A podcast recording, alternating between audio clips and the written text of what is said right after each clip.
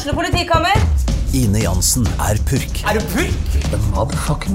Alt jeg vil, er å finne ut hva som skjedde med mannen min. Jon Carew. Er jeg sikta for noe? Iben Akeli. Det er du. Ole So, Lars Berrum og Big Daddy Karsten. Hvem sin side er du på, egentlig? Anette Hoff, Tone Danielsen, Kommer du fra Afrika? Jørnis Josef, Nesten. Kløfta. Trond Espen Seim, Det er synd å si det, men det var feil mann som døde. Purk. Premiere tirsdag på TV2 Play.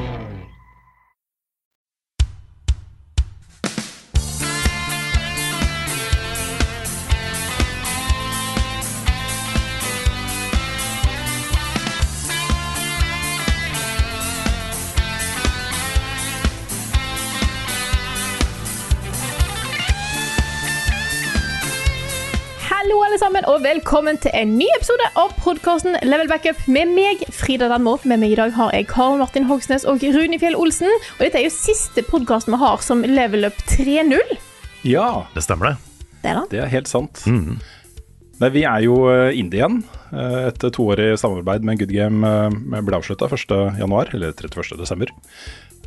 Så vi har nå brukt en del uker på å prøve å se på oss selv med litt friske øyne og finne ut om vi kan gjøre litt nye ting. og eh, Prøve å eh, komme opp med noen gode ideer da, til hvordan vi skal overleve de neste fem, eh, eller da åtte årene også. Den 15. februar så har vi jo eksistert som indieselskap i åtte år. Åtte år, ass. Det er en, Så, så nå er vi rett før, da. Det er rett før vi skal presentere ganske mye fett. ja, det er en, det er en spennende folk. tid nå. Nå har jeg, jeg, jeg, jeg tror jeg kommer til å ha to, kanskje tre piloter klare til den streamen vi skal ha 15. Oi, oi, oi. Ikke verst. Så det begynner Jeg har, å eh, komme seg. Ja, det er i hvert fall én. Jeg prøver å få til en liten pilot på eh, et annet konsept også. Um, og så har vi jo en del andre forberedelser som skal gjøres før det, da. Kanskje litt, litt nytt eh, merch. Nytt merch, nytt, nytt, nytt everything. Nytt, Ja. nytt. Og dette her eh, starter jo live på torsdag 15. februar, altså neste torsdag. Eh, og da starter streamen klokka tolv, og da skal vi òg, ikke akkurat da, da, men eh, torsdag 15., så skal vi spille inn podkasten live. Så vær, eh, vær obs på det, så vet dere det. Mm. Ja, det er ikke så ofte vi gjør den live på over nett. Nei? Um, Eller vi gjør, det det jo, blir- vi gjør det jo live over nett for oss, bare internt, men eksternt. Med et publikum eksternt. på tre. Ja, det stemmer. Stemmer. Tre og en gal katt, uh, Ja. som regel. Mm. Mm. Det som er fint med å gjøre det, er at vi kommer til å få live-korreksjoner fra chatten underveis. Ja. Og det er noen ganger ganske nyttig. Når vi Absolutt. sier ting vi ikke er 100 sikre på, så bare får vi beskjed fra ti personer om at nei, det var ikke riktig. Og da kan vi korrigere oss med en gang. Eneste forskjellen er at vi får det live, og ikke i kommentarfeltet etterpå, sånn som vi gjør ellers. Ja. Men streamen blir kjempegøy. Det blir I tillegg til at vi skal vise fram litt nye ting, så blir det jo masse masse bra streams. Det blir eh, stream hver dag. Torsdag 15., og så i ei uke. Sju dager, altså. Fra tolv til tolv hver dag. Eh, vi har et eh, fullstappa program, så bare keep an eye out eh, når vi kommer med litt mer info om hva som, hva som skjer i den streamen. Men bare så, da er dere klar over det. Torsdag 15. februar klokka tolv på dag, dagen. Altså ikke midt på natta, men sånn lunsj. Da starter vi. Jeg blir alltid overraska når vi setter oss ned for å planlegge sånne streams. Mhm. Fordi det er så mange timer. Det er liksom tolv timer hver dag. Hvordan skal vi fylle de timene? Det er ikke vanskelig. Nei, det går faktisk helt fint. Det er utrolig lett å fylle tolv timer hver dag hvis man først setter seg ned for å gjøre det. Ja, det er sånn, Når en først har 84 timer, tenker en at det blir jo kanskje litt vel. Men eh, nei da. Microsoft har kjøpt alle spillselskapene i Japan. Mario har blitt pensjonist. Half-Life 5! Hideo Kojima starter spillstudio i Bodø. Skyrim er nå tilgjengelig på Mars. Miyamoto har lagd en kano. EU forbyr teabagging i spill. Ukens hotteste. Nå har vi beveget oss ut fra Discord og hjemmekontorene våre, Carl, for å gjøre noe veldig veldig spesielt. Det har vi. Vi er ute i den virkelige verden. Det er skummelt. Det er litt skummelt, og kanskje forberedt også på at det kan bli en ganske tøff kveld dette her. For vi skal da på, på sånn rød løper-premiere på den norske dokumentarfilmen 'Ibelin'. Det skal vi. Tatt, på, tatt på blazeren. Gjort meg klar for eh, premiere på Colosseum. Yes, og dette er jo på en måte førpremiere, førpremiere. Dette er premieren for de som har laget filmen egentlig, så det kommer til å være takketaler, eh, det kommer til å være familie, venner Ja. ja. osv. som har vært involvert i produksjonen. Så det er en veldig spesiell eh, følelse da, å få være med på den. Jeg har jo sett denne filmen her, eh, Karl. Du har det, og du har advart om at eh, den er eh, tøff å se. Fra start til slutt. Ja, ikke sant? Også Den er oppløftende og alle disse tingene også, men den er først og fremst uh, utrolig Også Den veksler mellom å være rørende, også du, du blir ordentlig glad, og uh, tragisk, og alle følelsene kommer inn der. Ja, jeg vet jo hva, hva den handler om. Dette er jo en kjent uh, sak fra er det et år siden? To år siden? Et par år siden nå, ja. Ja, så Minst. jeg vet jo allerede handlingen, på en måte. Men jeg er veldig veldig spent på å se det filmatisert. Hvordan, de, hvordan de har brukt spillet, hvordan de har brukt familien, hvordan de har brukt Hvordan de har løst det her. Ja, Det er jo en dokumentarfilm som kommer også nå eh, med en bølge av utrolig mye positiv oppmerksomhet. Den vant jo både regiprisen og publikumsprisen under Ja. Sundance eh, filmfestival. Og Det det er er, ganske, det er ganske svært. Folk begynner på en måte allerede å snakke om dette her som en mulig Oscar-kandidat for neste år. Eh, og sånn eh, litt sånn ekstra stas, syns jeg. For vi har jo jobba med Benjamin, vi. Ja, vi har det. Han er jo fra VG-tiden. Han er fortsatt ansatt i VGTV, faktisk. Ja. Eh, og sitter og lager disse fantastiske dokumentarfilmene. Eh, alltid eh, sett på han som en utrolig hyggelig, omgjengelig, vennlig fyr. En av de bra folka. Det er ikke verst å kjenne en potensiell Oscar-kandidat. Nei, det, det er litt sånn claim to fame, det også. Det er det. Um, så, men han, har jo allerede, han er jo allerede såpass anerkjent at det er allerede stas. da. Ja, ja. Eh, I tillegg så har vi med kjærestene våre. Det har vi. Mm. Jeg har eh, eller jeg har advart Marte også om at Ja. dette blir en eh, potensielt Torvald-kveld. Så hun har med utrolig mye Kleenex. Ja, jeg sendte beskjed til kona, hun kommer litt senere, for hun skal gi ungene mat, eh, om at hun bør ta med seg noe et eller annet, hun også. Mm. det er hun forberedt på, på hun òg. Det var vår store sorg. At han ikke skulle få oppleve vennskap og det være viktig i andre menneskers liv. You proved us wrong. You proved us so wrong. It was just a virtual kiss. But boy, I could almost feel it. Det var en film. Det var litt av en uh, opplevelse, Karl. Det var det. Jeg har uh, vært veldig spent på hva du kom til å synes om filmen. Jeg var ganske sikker på at du kom til å like den, men nå har vi også sett filmen på Storsalen eh, til eh, Colosseum. Vi sitter faktisk fortsatt i, eh, i Storsalen på Colosseum. Ja, folk bruker litt lang tid på å gå ut, så da setter vi bare i gang opptaket. Og det har jo vært eh, så det var statsministeren som var her, flere statsråder, eh, Mm. alle som har vært involvert med filmen. Massevis av gamle kollegaer fra VGTV. De Ja. har vært med på å finansiere dette her. Masse VGTV-folk. Um, det er et eller annet med den der trykkende stemninga, det å oppleve det i en så stor sal. Forrige gang jeg så den, så var det jo bare meg og Jon Cato som satt med armene i kors og Og prøvde å noen- ikke Ikke sant? Ja, Uh, var, ja Sånn, eh, om, om en ja, ja, Mm. Nå uh, er det jo en full sal, da. Um, med mange av de som er involverte, mange av de som var på filmen. Og ikke minst også så startet jo filmen med um, at Robert Steen, også faren til Mats, uh, fortalte om opptakten til dette her og sånt. Og det var liksom bare enda, enda et element som Mm. gjorde at pokker også, det, er- det treffer ganske hardt i kroppen, den filmen her. Det, det gjør det. Dette er jo en film som jeg tror kommer til å bli oppdaga langt utafor Norge. Utover det den allerede har blitt. da. Ja, Det, den har vunnet priser og sånn. Den kommer jo til Netflix. stemmer det? Og eh, jeg håper den får den oppmerksomheten den fortjener. For det, det, dette er så For sånne som meg, da, og som sikkert de fleste av de som hører på denne podcasten her, så er dette her så relaterbart. I hvert fall deler av det. Absolutt. Det med å ha uh, en del av livet som mange i livet ditt ikke helt forstår. Hvor viktig det er for deg. Og det å bli forelska på nett. For min del så har det vært mer på forumer, sånn fanforumer av Final Fantasy og sånn, eh, da jeg var fjortis.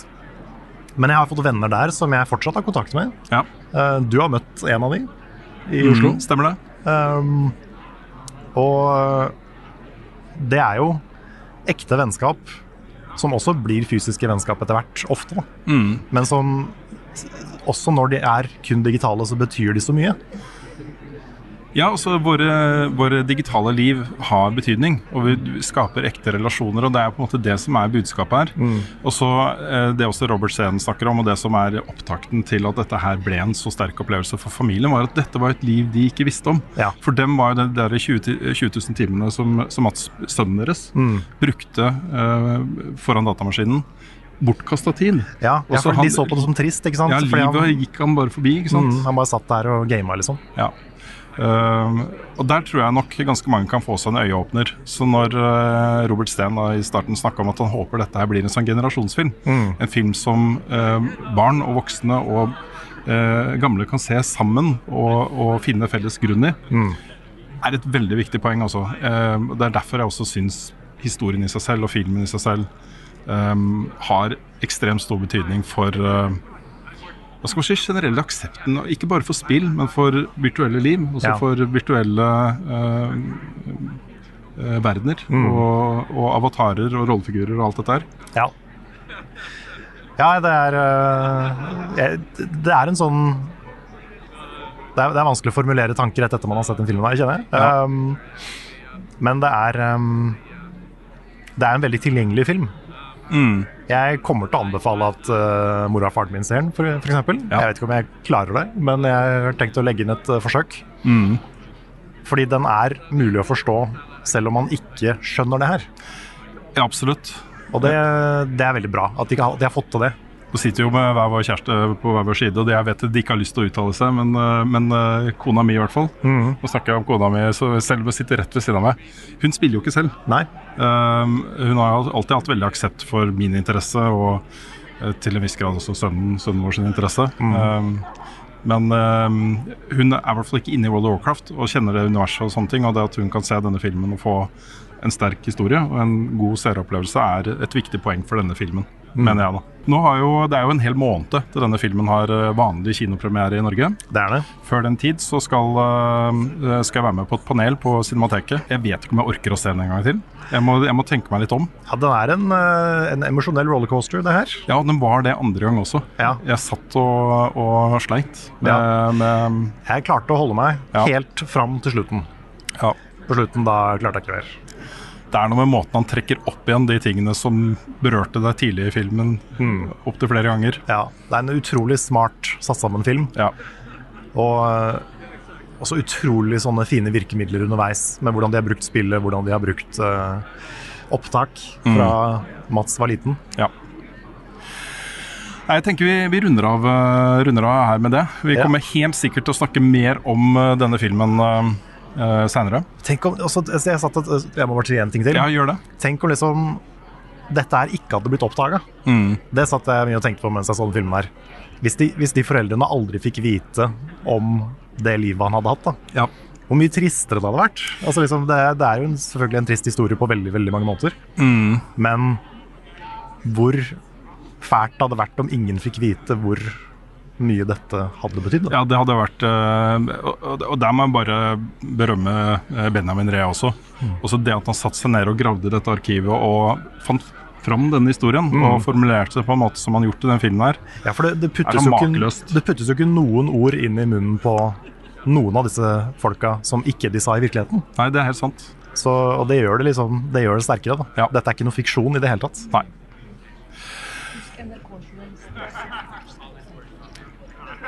Da fikk jeg beskjed om eh, kona her, og husk NRK-journalisten som skrev saken. Det er selvfølgelig sant.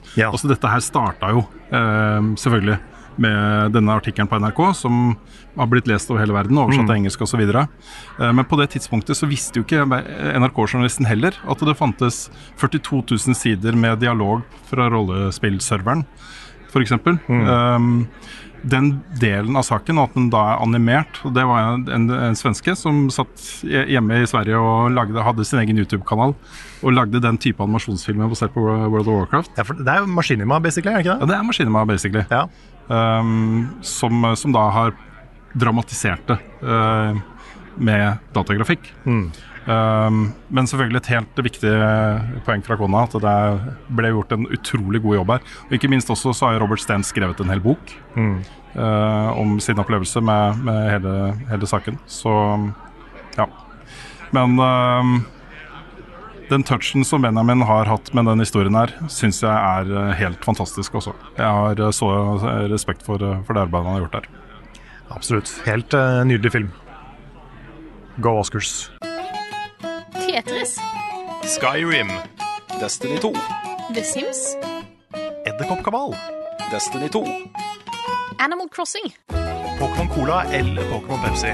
Destiny 2. Guitar Hero. Kingdom Hearts Bohemian Boogaloo. Destiny 2. Level Ups spilleliste. Nå, Carl, er det ikke mange dagene igjen til Final Fantasy 7 Rebirth eh, dukker opp? Det vet jeg. Ja. jeg regner med du visste det. Jeg regner ikke med at det kom, som kom, kom til å komme som et sjokk. Men det som er stilig nå, er at det har jo kommet ut en demo på starten av spillet. Og den har du spilt.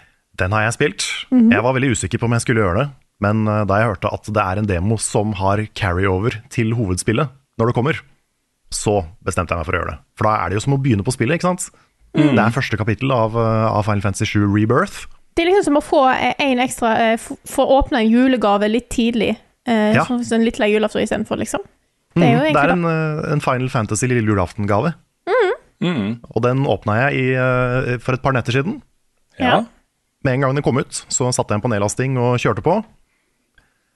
Og dette er så bra. det er jo, jeg skal, jeg skal være så, så forsiktig som mulig med spoilers. Fordi jeg vet at det er mange som eh, spilte remake og ikke har spilt resten av originalspillet. Så jeg skal ikke, ikke spoile for mye, men eh, jeg kan si da at eh, måten det spillet her åpner på For jeg går ut ifra at dette er starten på spillet. Jeg ville tippa da, siden det er carryover. Det gir mening at det er starten på spillet. Og det er et utrolig smart sted å begynne. Fordi dette er en del av Final Fantasy 7 som jeg tror alle som har spilt spillet, husker. Den er veldig ikonisk og veldig viktig for historien. Og å se den da i, Ida remake-prakt, med helt nydelige modeller og en flott verden og voice acting som er så on point. Helt perfekt, liksom. Mhm. Og musikk. Er det, ja, som er, er- det, er det bedre enn voice acting som vi gjorde på Nix sin Final Fantasy 7 original-stream? Det er jeg litt sånn usikker på. eh, Andreas Viking sin Barrett er det vanskelig å slå. Mm, Så Sorry, det var er fortsatt, fortsatt, fortsatt et lite hakk over der. Ja. Men musikken nå er bare helt sånn De har orkestrert liksom alle de gamle sangene som man husker, og så er de liksom bare så fine nå. Så det var en sånn derre det, det var halvannen time med bare hype og glede å oppdage den demoen her. Og Final Fantasy 7 Remake har jo mitt favoritt Final Fantasy ba- battle-system i hele serien. Og det er ganske mange forskjellige kampsystemer i den serien. Og jeg tror jeg liker Rebirth enda bedre. Oi! For Er det store endringer her? ikke veldig store, men store nok til at du liksom du føler at «Å, ok, dette, her har de gjort litt, her har de tweaka litt. Her er det uh, her, her har de tenkt på svakhetene til det forrige systemet. F.eks. med det å angripe i lufta var veldig kronglete i remake. Det er bedre nå. Du har mye mer sånne kronotrigger-style kombinasjonsangrep. Hvor to eh, karakterer teamer opp for å gjøre et sånt superangrep. Og de har bare lagt til en del sånne ting som passer veldig bra inn. Som føles logisk og naturlig. Så er det jo eh, flere characters denne gangen. Du kan spille som eh, ganske mange flere enn du kunne i, i remake. Så eh, jeg, jeg så jeg, jeg var hyped allerede. Men nå er jeg helt sånn grenseløst hyped. Jeg gikk og la meg den kvelden, så er det sånn Jeg, må, jeg vil bare ha mer. Ja, det er derfor jeg er litt sånn eh, Jeg har lyst til å spille det. Jeg har egentlig tenkt å spille Demon i kveld. Men en del av meg er sånn Tør jeg dette? Eh, Blir det, blir det for mye hype i kroppen min til at jeg klarer å konsentrere meg om andre ting framover? Det er et godt spørsmål. det, er det er skikkelig vanskelig å vente nå. Det sånn, jeg, jeg går og håper at vi skal få det spillet tidlig. Sannsynligvis så gjør vi ikke det. da Vi får det ikke veldig tidlig. Og hvis vi gjør det, så er det kanskje mens vi streamer i tolv timer om dagen. Men uh, jeg er så spent. Jeg er så utrolig spent. Og hvis dette her fortsetter, hvis det er så bra som den starten her er hele veien, så skal det mye til å slå det som eh, Game of the Year for meg i år, altså. Og det er, det er tidlig å si i februar. Ja, veldig tidlig. Veldig tidlig, men, uh, men jeg ble så Jeg ble så glad av å se hvor bra det var. Ja, Du blir liksom litt sånn ekstra hype over den der Final Fantasy 7 remake-greiene. også. Jeg husker jo fra første annonsementen, da var vi jo faktisk på E3 i salen da de annonset det for aller første gang. Ja, og det er så hyped har jeg aldri vært i hele mitt liv. Som å sitte Ja, i salen. Ja, det var, det var faktisk peak gaming moment Ja. av den typen. Å sitte i salen på E3 når den ble annonsert, og høre det brølet fra salen. Da skjønner jeg liksom de, der, eh, de folka som var på sånne livsendrende fotballkamper og, og sånn. Det føltes litt sånn, da, tror jeg. Å bare være med på et øyeblikk. Så det, ja. Og Final Fantasy 7 er ikke favoritt-Final Fantasy-spillet mitt engang. Men, men, men det er noe med den, der, den kjærligheten som er bare dytta inn i remake-spilla. Mm. Jeg håper de klarer å lande det. For det kan hende at de fucker opp historien. Kan hende at de prøver seg på noe snusk i dette spillet som ikke lander. Som ikke ender opp med å funke i det hele tatt. Men jeg håper. Det er så mye annet de gjør så bra, så jeg håper at de klarer det her òg. Vi er noen deler av den uh, av Final Fantasy 7 som vi nå skal inn i, i Rebirth, som jeg er spent på hvordan de løser. Ja. Veldig det er jo- hvordan de løser. Midtpartiet i Final Fantasy 7 er jo noe av det mest spennende i hele spillet. Mm. Dette, er jo, dette kan jo være liksom det Lett å sammenligne alt med Empire Strikes Back, men dette kan liksom virkelig være Empire-spillet. Mm. Som alle husker som et av høydepunktene. Kanskje det store høydepunktet i historien. Jeg tror jeg må prøve å komme meg gjennom eh, remake, også, bare sånn at jeg får spilt dette her, jeg også. Det er Mhm. bare så mye annet å spille om dagen. Det er det. Jeg har jo eh, Jeg driver jo og snuser på Yakuza, eller Like a Dragon. Ja. Det er feil tidspunkt å gjøre det på nå. Altså. Ja, det er det, altså. litt, for mange, litt for mange spill og litt for mye annet. Og, ja, nei, Ja, du har hele tre uker igjen, da, før alt uh... Jeg har det. Ja. Jeg har det. Kanskje jeg skal vente med Like a Dragon 7, eller Yakuza Like a Dragon heter det kanskje. Sjueren. Til streamen, og spille det på stream. Jeg har ikke bare droppa helt Yakuza-navnet nå? Jo, jeg tror med åtteren så gjorde de det. Ja, nettopp. Ja, OK. Skjønner. Mm, så eh, nei, jeg må, jeg må jo finne noe å Jeg har sittet og klippet og laga, piloter piloter siste, siste dagene. Jeg er litt sånn eh, raspete i stemmen, litt, litt oktaver lavere enn jeg pleier, fordi vi var ute i kulda i går og filma. Mhm. Men eh, Så jeg distraherer meg med å klippe og skrive og filme og ting og tang. Ja. Cope, egentlig. Ja, masse coping. Ja. Alkohol. Alko ja, alkohol og hard drugs, rett og slett. Yes. Mm. Men, men ja, jeg, jeg har ikke lyst til å si så mye mer, fordi jeg vil, at, jeg vil bevare denne opplevelsen for andre folk. Men, Mhm. men hvis du er Enten du er nysgjerrig på remake-spillene generelt, eller, eh, eller bare ikke klarer å vente, sånn som meg, så eh, last ned den demoen. It's pretty damn good. Nice. Veldig glad på dine vegne, Carl. Takk Ja. for det. Og på mine vegne òg, litt. Vet. Jeg, Ja, jeg er så spent på hva du og Nick syns òg, for dere har jo Ikke sant? Så, ja. Nei, Spesielt Nick, da, tror jeg, som ikke vet hva han går til. Mm. Mm. Jeg kan også si da at uh, denne demoen er trofast til originalhistorien. Ja, OK. Det er ikke noe shenanigans i den, så vidt jeg har skjønt. Det er en, uh, greit å vite. Mm. Og eh, fra den demoen skal vi over til andre demoer, Rune. Ja, jeg har, jeg har spilt massevis av demoer på Steam Førslippfestival. Jeg tar noen andre ting først. Den er grei. Um, jeg kan jo starte med et par ting eh, kjapt. Den ene er jo litt sånn repeat fra forrige uke. Uh, nå har jeg jo fullført, kommet til rulletekst i Suicide Squad Kill the Justice League. Uh, spilte sammen med Andreas hele veien, uh, og vi har nå laget hver vår anmeldelse. Hvor mange Captain Boomerangs ble det til slutt? Var, det var maks to, da. To okay. av fire var Captain Boomerang. Ja. um, Alles det var en del sånne favorittkarakter. Småbugs. Alles favoritt-character i det spillet? Ja, jeg har, ikke, jeg har ikke lyst til å straffe de for hardt for det, for dette er så typisk en sånn bug som de kommer til å luke ut ganske kjapt. da. Mm. Um, men vi endte jo opp på omtrent samme sted, uh, Andreas og jeg. Uh, Andreas sin anmeldelse på, på Level Up-kanalen, um, han endte jo opp på fire av ti, faktisk. Hvis jeg ga det terningkast tre. Jeg ville nok kanskje ha gitt det fem av ti, da. Så vi er litt uenige, men det begge deler er jo terningkast tre. Så Mm. alt i alt uh, omtrent i samme leie. Og tingen er jo at um, når man snakker om live service-spill, så er på en måte en av de største farene er at man tar ut innhold fra et konsept for å spre det mer utover, sånn at noen har noe, altså folk har noe å bruke penger på down the road. ikke sant? At man, eh, at man eh, har noe å bruke penger på, rett og slett. Noe å tilby spillerne. Kanskje også til og med nøkkelsekvenser, eh, innhold man vet hadde vært fett å ha med fra start av, men som kommer da seinere. Og sånn føles dette spillet. At det er uh, mye som er tatt ut av det. eh, og det som er lagt inn for å erstatte det, er mye sånn repeterende fyllmasse.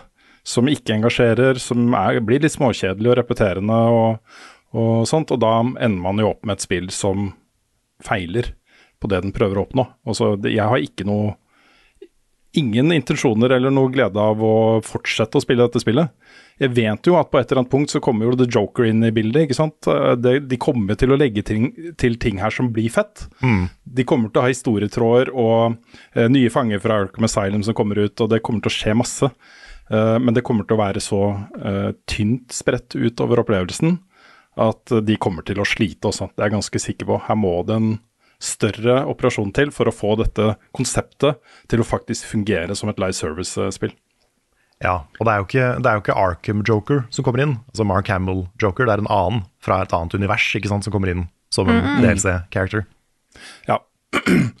Så eh, ikke så ræva som deler av internett skader til. Uh, ikke i nærheten av å være så bra som det er lov å forvente seg av Rocksteady uh, og denne lisensen her. Det, det er trist å se også. Her er det uh, Poenget mitt i min anmeldelse var at det føles som om kunstneriske og kreative ambisjoner kolliderer med enten da et krav eller ønske, jeg vet ikke hvor dette kommer fra, kanskje det er teamet selv som har lyst på en ny Ferrari eller et eller annet, jeg vet ikke. Uh, mest sannsynlig kommer det jo fra toppen. Vi vet jo at uh, toppsjefene i Warner Bros har gått ut og sagt at alle deres underholdningsverdener uh, skal være den type spillopplevelser. Også det gjelder Game of Thrones, det gjelder eh, eh, DC, eh, det gjelder de andre tingene de har. Harry Potter osv. Så, videre. så um, så eh, dette føles som noe påtvunget.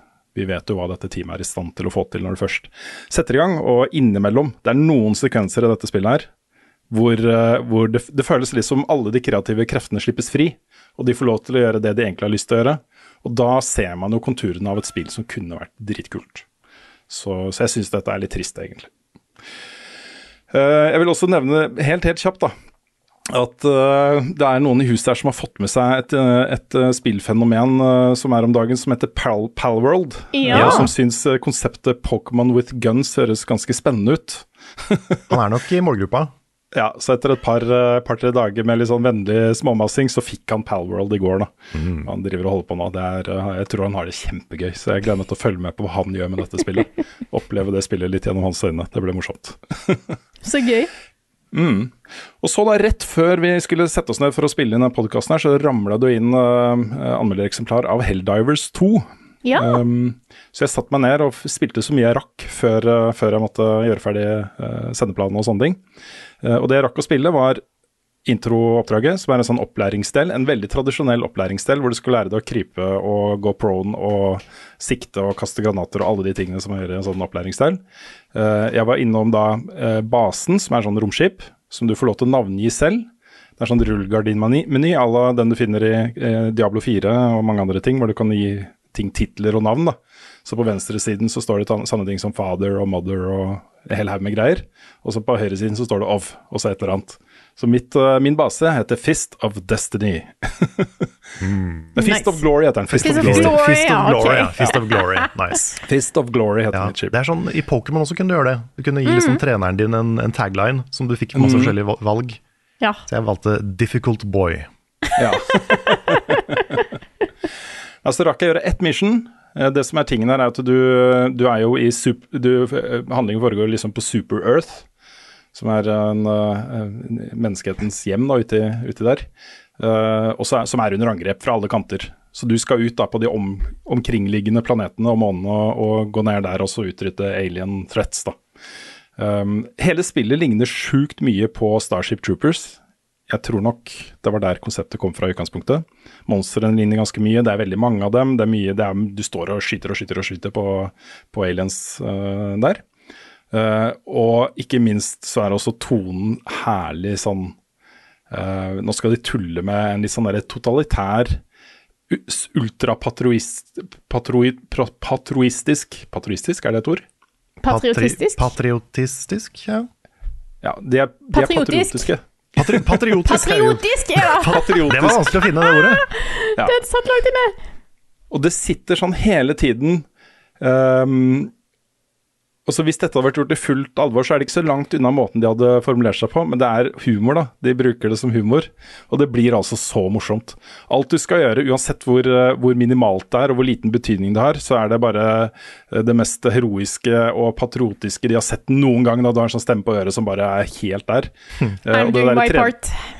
Ja, I'm doing my part. Og det treningsoppdraget også, som jeg var sånn åh, nei. Et, et, den her har jeg spilt noen tusen av før. Jeg, bare, jeg lo høyt mange ganger bare, bare pga. de beskjedene du får på øret og sånt. da. uh, og så er det jo et co-op-spill for inntil fire spillere. Vi har fått fire koder, så vi skal prøve å få til, um, få til en full co-op-greie på dette her. Og jeg må si, det jeg har sett i da, det spillet til nå, megabra.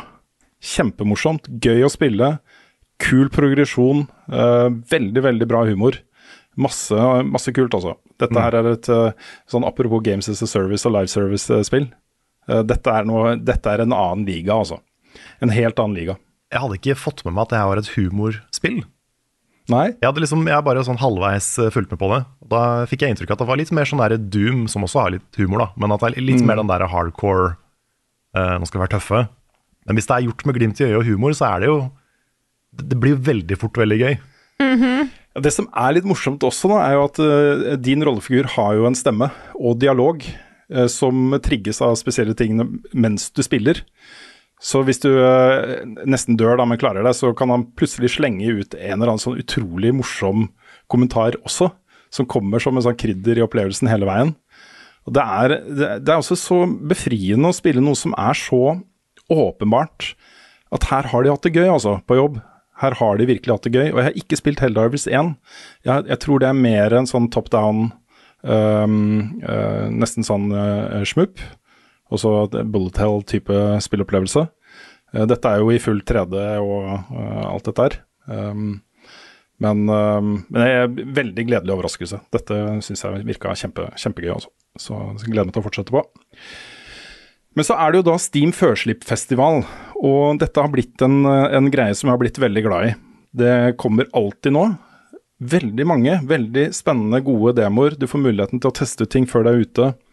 Um, og, og um, notere ting i margen. Sette ting på wish-listen din og begynne å liksom forberede deg på om dette blir bra eller ikke. Og et par av de er jo sånne level up-favoritter som Harold Halibut og Pacific Drive. Begge de to har jo da demoer på Førslippfestivalen her. Eh, Begge de to har jeg jo testa før, så jeg har ikke spilt de nå. Men jeg har spilt fire av disse demoene som eh, alle hadde noe ved seg som gjør at eh, dette her er spillet jeg kommer til å følge med på. Da. Det første er et spill som heter Dreamcore. eh, Og det beskrives som et bodycam, psykologisk horror-spill Oi. med liminal spaces-estetikk. Ja, jeg har sett litt av dette her. Ja, det er fra et lite indie-studio i Argentina. og det er på en måte, er, Jeg tror det er første brettet i spillet du får spille her. og Det foregår på en gigantisk, Uh, helt tom, det er ikke noen mennesker der i det hele tatt, sånn en svømmehallaktig eh, bygning. Med dører overalt, og du bare går rundt og du vet ikke hva du skal gjøre. Ingen beskjeder, det dukker opp noen små hint her og der. Uh, hele stilen er i VHS-kvalitet. Du kan til og med velge 4-3-format på, på spillet. Så bildet er liksom du, Kameraet ditt da, er et VHS-kamera, på en måte. Du går rundt og dokumenterer der. Og det er et eller annet med Så jeg har ikke full kontroll på hva som menes med limino, liminale rom, kalles det på norsk. da. Mm. Um, men det brukes jo mye i psyk psykologien som uh, overganger fra en ting til et annet. Altså En skilsmisse f.eks. kan være en uh, liminell opplevelse. Mm. Uh, men i forbindelse med um, fysiske rom, så er det f.eks. en tom parkeringsplass eh, søndag ettermiddag eh, foran et, eh, et varehus. Ja. Eh, Det er jo være- ja. Internett har jo uh, lagd masse sånn law rundt dette her. Mm. Har jeg fått. Det er en veldig bra Super Eyepatch Wolf-video om, om det, blant annet. Yes. Hvor um, liksom den derre skrekken som fins i sånne rom som ikke helt gir mening, Mm. som blir kalt the backrooms, at du på en måte har, du har glitcha deg gjennom virkeligheten og kommet til en slags sånn derre trash-verden av ekte bygninger som ikke er brukt riktig. Er Du kjenner deg igjen, men noe er feil.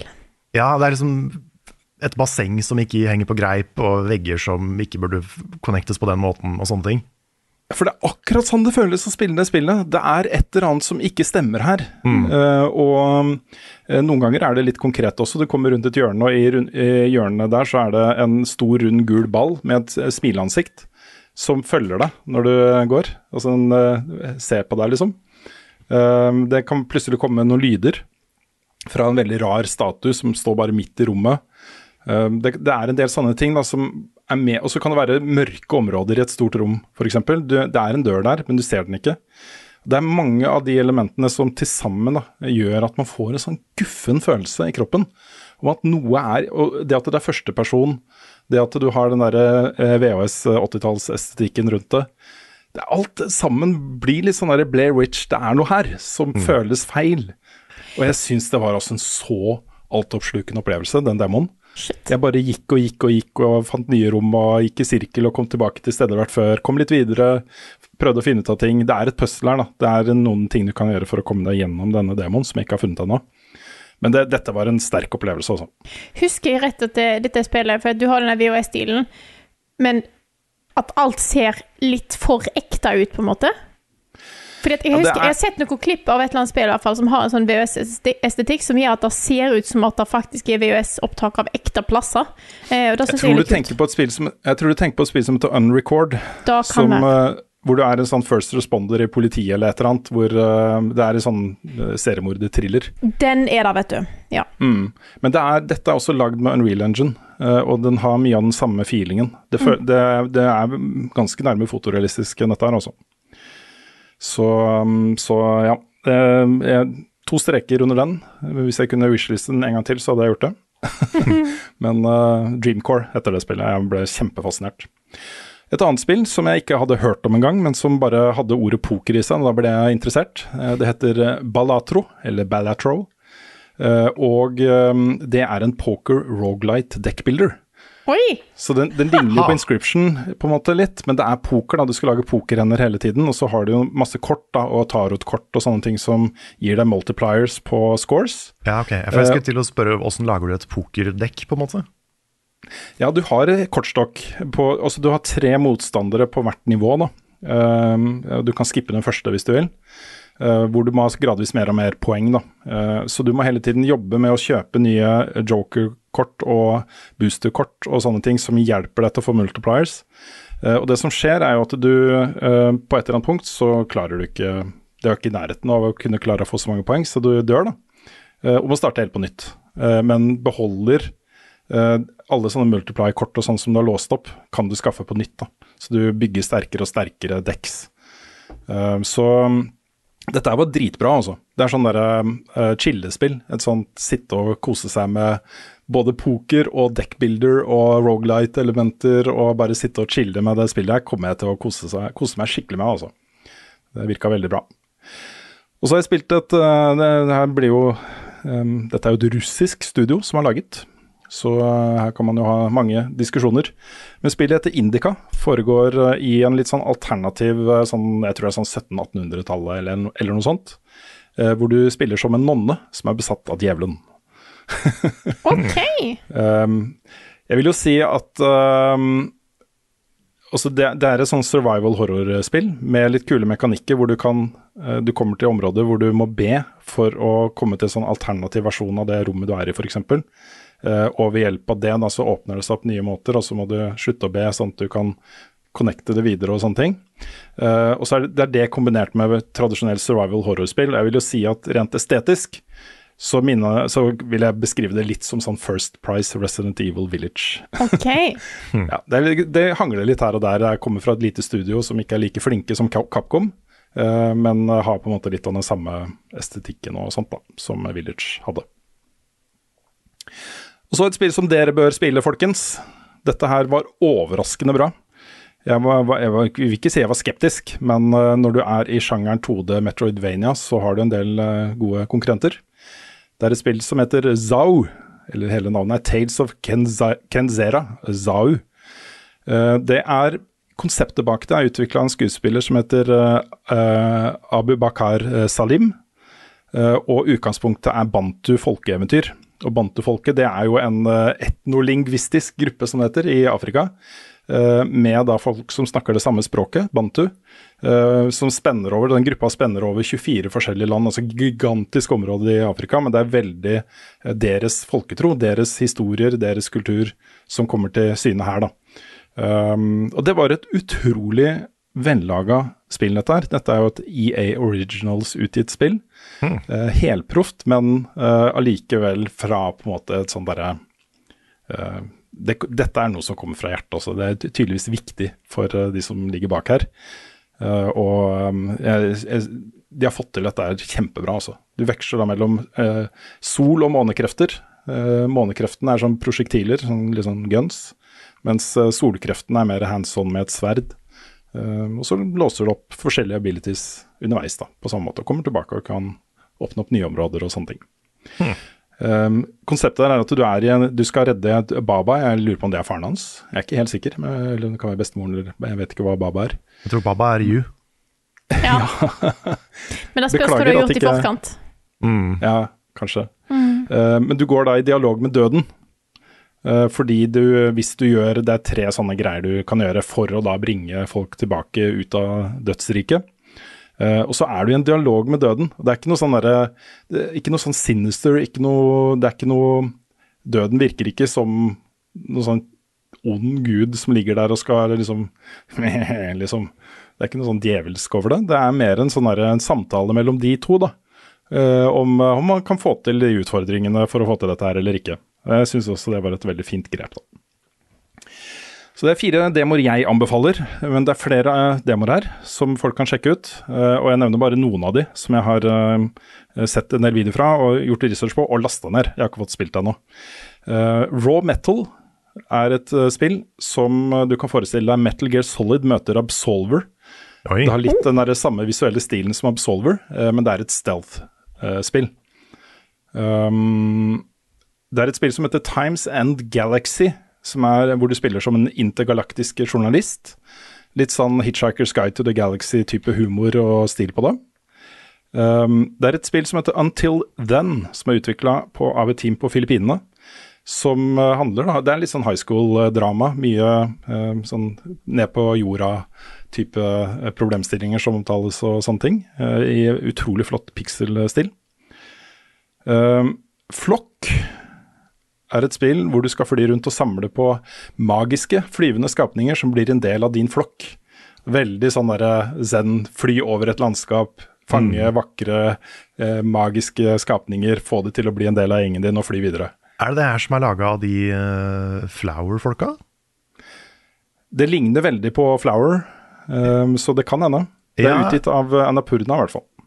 Ja, for jeg mener jeg har sett en trailer for det. Mm. At det var laga fra en eller annen utvikler som var litt eh, kjent. Ja, det kan, eh, kan veldig gjerne tenkes. Eh, og så, da, Hellskate. Tony Hawk i helvete. Ja, det ser, det ser dritkult ut. Ja, det ser kjempekult ut. Du skal grinde og gjøre triks og, og sånt, og så kan du skyte fra skateboardet ditt på fiender og sånt. Det ser dritstilig ut, rett og slett. Eh, et eh, annet uh, Metroidvania-spill som ser veldig bra eh, ut, er Ultros. Det er utrolig psykedelisk. De, de har bare brukt alle fargene, de. Ja, det, det også husker jeg veldig godt fra eh, ikke-E3 i, i fjor. Mm. Da fikk vi se noen glimt av det, og det, det, det er fargene man husker fra det spillet der. Mm. Ja, det er som disse psykedeliske platecoverne fra 60-tallet og sånt. Mm. Hvor de, designerne har brukt LSD i månedsvis før de lagde plateomslaget. um, et par uh, veldig lovende city builders. uh, Dystopica. Som beskrives som en sånn uh, chill city builder hvor du skal lage uh, cyberpunk-byer. Så du bygger på en måte megabuildings og skyskrapere og eh, forskjellige nabolag og sånt, og får en sånn der cityscape som er veldig eh, cyberpunk, rett og slett. Um, og så da selvfølgelig Synergy, som jeg uh, tipsa både deg og Jostein om, eh, Frida. Eh, det er jo et sånn terraforming citybuilder-spill, hvor du skal sørge for menneskehetens overlevelse på en annen planet. Eh, og så er den visuelle stilen er veldig sånn sable. Sånn uh, utrolig vakkert, altså. Det så så flott ut, det spillet, altså. Eh, jeg har også notert meg et spill som heter Gatekeeper, som er en action rogelight med co-op for um, eh, fire spillere. Eh, det var et annet spill som jeg ikke har satt opp her, som også så dritbra ut, som er litt sånn um, eh, Lethal Company. Co-op, fire spillere, men enda mer horror. Og litt sånn liminal uh, spaces-estetikk. det heter noe backroom eller backdoor eller et eller annet sånt. Det, Det har jeg hørt om. Ja, for det også så dritbra ut. Jeg må forresten korrigere meg litt, fordi eh, Ja. det er Hollow Ponds som har laga Flock. Og det er de Ja, som har laga Wilmots Warehouse og I Am Dead. Ja, riktig. Så det er ikke de samme som lagde Flower. Nei. Og så har jeg notert et spill som heter Lightyear Frontier, som er et utrolig vakkert terraforming- og farming-spill. Du, eh, du er på en måte settler på en annen planet, og skal bare drive med farming og utvinning av ressurser og utforsking av planeten og, og sånne ting. Det er litt sånn No Man's Sky. Det ser penere ut enn No Man's Sky, uh, men uten konflikt, uh, ser det ut til. Som så latterlig lekkert ut. Og så har jeg også notert Homeworld 3-demoen, som jo førte til altså Feedbacken på den demoen gjorde at de utsatte lanseringen der eh, til mai. Det skulle jo komme ut i februar eller mars, tror jeg, men nå eh, jeg fant de ut at de trengte litt ekstra, ekstra tid, da. Men det er også så mye spennende spill eh, det er mulig å bare teste gratis nå. og det er, altså det, Alle disse demoene er sånn tre kvarter, en time ish. Eh, du får en god chunk av spillet, en god mulighet til å få et godt inntrykk av det. Jeg syns bare det er en så innmari god tjeneste. Også. Det er kjempebra. Jeg er veldig glad for at demoer har kommet tilbake på, på markedet, holdt på å si. Ja. Det var liksom mange år hvor ikke det var en ting. Mm. Det oppholdet mellom PlayStation 1-disker du fikk i PlayStation-blad, til nå, da. Som du har begynt å liksom faktisk få demoer på Steam og på PlayStation og på nye Som, som har carry-over-save carry til hovedspill og sånne ting. Det er dritsmart. Mm. Veldig fin trend. Ja, jeg er også kjempeglad i det. Altså. Har dere prøvd Vann fra springen? Jeg har sett en ny TV-serie ja, nå, vet du. Dette albumet må dere høre. TV-spill er ganske stas. Det er en serie som foregår in space. YouTube.com er en kul nettside. Level Ups anbefaling. Ukens anbefaling denne uka kommer fra dere begge to. Det stemmer. Så det er bare å eh, snakke i munnen på hverandre. Ja, hvem skal begynne? Jeg, jeg kan eh, bygge det opp, Ja, og kjør så på. bare hoppe, hoppe når du vil. Um, det ble jo varsla at uh, Naughty Dog har jo laget uh, en dokumentarfilm om utviklingen av The Last of Us Part 2 også. Akkurat som de gjorde med Part 1, så har de hatt uh, folk da, som har filma det gjennom hele prosessen. Uh, og nå har det da blitt en dokumentarfilm av det. Og Grunnen til at det har tatt så lang tid, er jo rett og slett pga. pandemien. De stoppa opptakene, uh, og mye av opp, de opptakene som er gjort der, rundt, også, som omhandler lanseringen f.eks. av spillet, er jo gjort i ettertid, hvor de ser tilbake på det. Så det ble jo en veldig sånn amputert eh, dokumentarfilm midt i der, liksom. Eh, og det var jo kjempeinteressant å se hvordan det påvirka hele selskapet også, fordi dette var tydeligvis et selskap som var veldig opptatt av at alle skulle være på kontoret. Ja, de hadde ikke noe, ikke noe opplegg for remote work i det hele tatt. Ingenting hadde de. Så eh, nå måtte de omstille seg, og, og de beskriver jo på en måte den omstillingen som noe som har gagna selskapet på sikt. At de har eh, fått en helt annen holdning til um, individuelle behov da, um, i etterkant. Uh, jeg tenkte å ta de, de blanke nyhetene fra dokumentaren først, for det er litt morsomt å se en dokumentar, og så kommer det ting da, som folk har spekulert mye om. Eh, og så tar de bladet fra munnen og, og bare sier det. Og Det ene er jo at Neil Druckmann helt til slutt han bekrefter jo da at uh, det er nok uh, innhold her til en part tre også. Ja. Og det, Det jo- Internett har jo tatt dette her som en uh, bekreftelse på at nå kommer part tre. Ja, Og- det og kommer i morgen, det. Ja, det, og det stemmer jo ikke helt. De har jo, hvis man skal tro på Neil Druckmann da, i, i den eh, slutten her, så har de jo ikke begynt ennå. Men de har Det han sier at han har ikke en historie, men han har en tråd, på en måte. Ja, men de opptakene var ganske lenge, da, så det kan ha skjedd, lenge siden, så det kan ha skjedd en del ting eh, mellom der. Det kan det. Uh, men jeg, jeg, jeg tror da han, han ville ikke ha sagt det han sa der, hvis ikke det var veldig stor sannsynlighet for at det kommer en par tre. Ja. Det hadde vært utrolig dustete av han å si det i det hele tatt noe om det, hvis ikke han var helt sikker.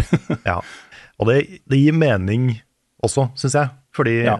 part to føles som det midterste spillet. Mm. Det føles som det liksom det, det. Det, det mørke kapittelet i en trilogi, på en måte. Mm. Jeg vet, du tror ikke at de har tatt eh, liksom PR-inspirasjon fra Hello Games? På Jo, kanskje det. Ja. Kanskje. Sorry, det var et stikk til Hello Games. Jeg vet at de har blitt mye flinkere på, på eh, presentering av ting, men uh... Kanskje han har vi får litt se, da. Det blir Light My Fire Nei, Light No, no Fire. Når det kommer ut, om eh, han har lovet for mye eller ikke, det vet vi ikke ennå. Nei, Til slutt så må liksom, de må sette sånn der, eh, munnbind på Sean Murray, for han blir så gira. kanskje litt sånn som de har gjort med han her Å, oh, nå står det helt stilt! Spiderman. Ja, Tom Holland Ja, at de kan ikke fortelle han- noen ting. klarer ikke å slutte å spoile. Nei. Mm. Den andre nyheten var jo at, eh, at um, de, de eh, han, Neil Druckmann snakket jo om at det også, i, i hvert fall i hodet hans, så er det en annen historie her, og det er historien, en egen historie med Tommy i hovedrollen. Uh, men der virker det som om hvis det blir noe av, at det, det ikke nødvendigvis blir uh, spill. da. Jeg, jeg tenker at det kanskje er noe de kan bake inn i TV-serien, uh, f.eks. Hvis den fortsetter i mange år. Ja, Eller en sånn Left Behind-type DLC, kanskje? Eh, Jeg hadde spilt den lett, altså. Um, det er særlig Det er noen sekvenser i part to eh, mot slutten hvor han på en måte dukker opp igjen. Og da er jeg veldig, jeg, blir jeg veldig nysgjerrig på hvordan han har det om dagen. Mm. Og hvordan det går med han, og hva han bedriver dagene sine med og sånne ting. Mm. Så det hadde vært en god, eh, god sidehistorie, altså. Og så syns jeg det var kjempespennende å se de sitte og diskutere på en måte grunndesignet til part to. Eh, hvor de bare rett ut sier målet vårt, og det som var inspirasjonen vår, var å bare lage et spill inspirert av Bloodborne. Ja, det var sånn, det var sånn Bloodborne jump scare midt inne i dokumentaren. veldig Wow! Og det- det er ikke et spill jeg hadde tenkt å tatt opp igjen eh, hvis jeg skulle gjette hva spillet Nei. Nei, jeg ble, Wow. fikk skikkelig bakoversveis av å se plutselig så var Bloodborne der, og så snakka de om at dette skulle være retningen vi går. Og det er jo langt ifra det det endte opp med å bli. Ja, ja. Det er noen sekvenser der hvor du kan se veldig tydelig at det de har latt seg inspirere av, er at du skal liksom bort dit. Og så er det mange måter å komme seg dit på, Mm. hvor du kan velge forskjellige veier, og du kan- liksom bruke terrenget og bygninger og sånne ting som, um, som eh, et verktøy til å spille spillet på den måten du vil. Um, og Der kjenner jeg en litt eh, den der vertikale uh, inndelinga. Særlig den der du skal opp i et parkeringshus Uh, over på andre siden. Uh, særlig den sekvensen, den viser du fram i den dokumentaren også. Så, så oppdaget jeg jo selv, mens jeg, jeg har spilt gjennom det tre-fire ganger nå, at eh, å ja, man kan gå her også. Det visste jeg ikke. så, så det er noe igjen, da. Um, men eh, de måtte jo ditche det for å lage en litt mer lineær opplevelse allikevel. Uh, Ja, ja fordi de snakka om at de skulle en, så å si gå open world med part to, Mm. men at det pga. historien ikke var mulig lenger, da. Mm. Du har jo den Seattle Day One-sekvensen, hvor du er et ganske stort nabolag med mange bygninger. Du kan velge om du skal gå inn i det eller ikke. og Det er bare et par av de oppdragene du har der som er eh, obligatoriske, som du må ta for å komme deg videre. Men masse optional. Der missa jo jeg Take On Me når jeg spilte det. Og du gjorde det? Jeg fikk jo ikke den sangen. Det er, eh, det er synd, altså. For Ja, det er et av de flotteste krise. øyeblikkene i spillet. Ja. Har du egentlig spilt Lasses? Nei, kanskje, jeg- kanskje, jeg bare ikke har, skippa hele spillet. Ja. Mm. Men ellers så er det jo en um, De går veldig ærlig til verks når de omtaler arbeidskulturen i Naughty Dog. Um, hvor uh, de, de sier jo rett ut at dette var da tradisjonelt sett et selskap som satt litt ære i at folk ble der til de skulle legge seg.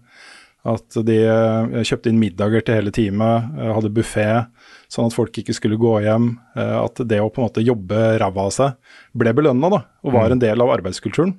Vi var jo i skikkelig hardt vær en stund, før, Ja. både Mm. før og etter lansering av part to, hvor de fikk mye kritikk for kulturen i, i selskapet. Jeg syns Mm. de gikk kanskje litt fort videre fra det temaet. Jeg tenkte, jeg tenkte litt på det når, vi, når jeg så um, dokumentaren, at liksom, de var innom det. Men etter å ha sett sånn som Psych Odyssey, da, som vi snakka mye om uh, før, uh, så var det enda råere og mer sånn der i dybden på her har vi liksom Her kan vi bli bedre, her er det noe vi Her har vi tenkt feil. Jeg syns de kanskje De kunne kanskje vært enda litt hardere på seg sjøl akkurat der, for min del. Ja.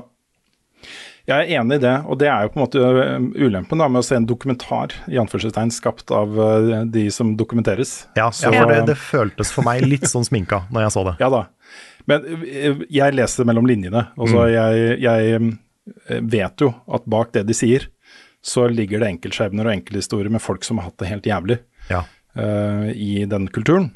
Uh, og de var jo utrolig tydelige på at dette er ikke lenger tilfellet i selskapet vårt. Nå har vi uh, på plass masse retningslinjer og regler for, for å unngå crunch. Da.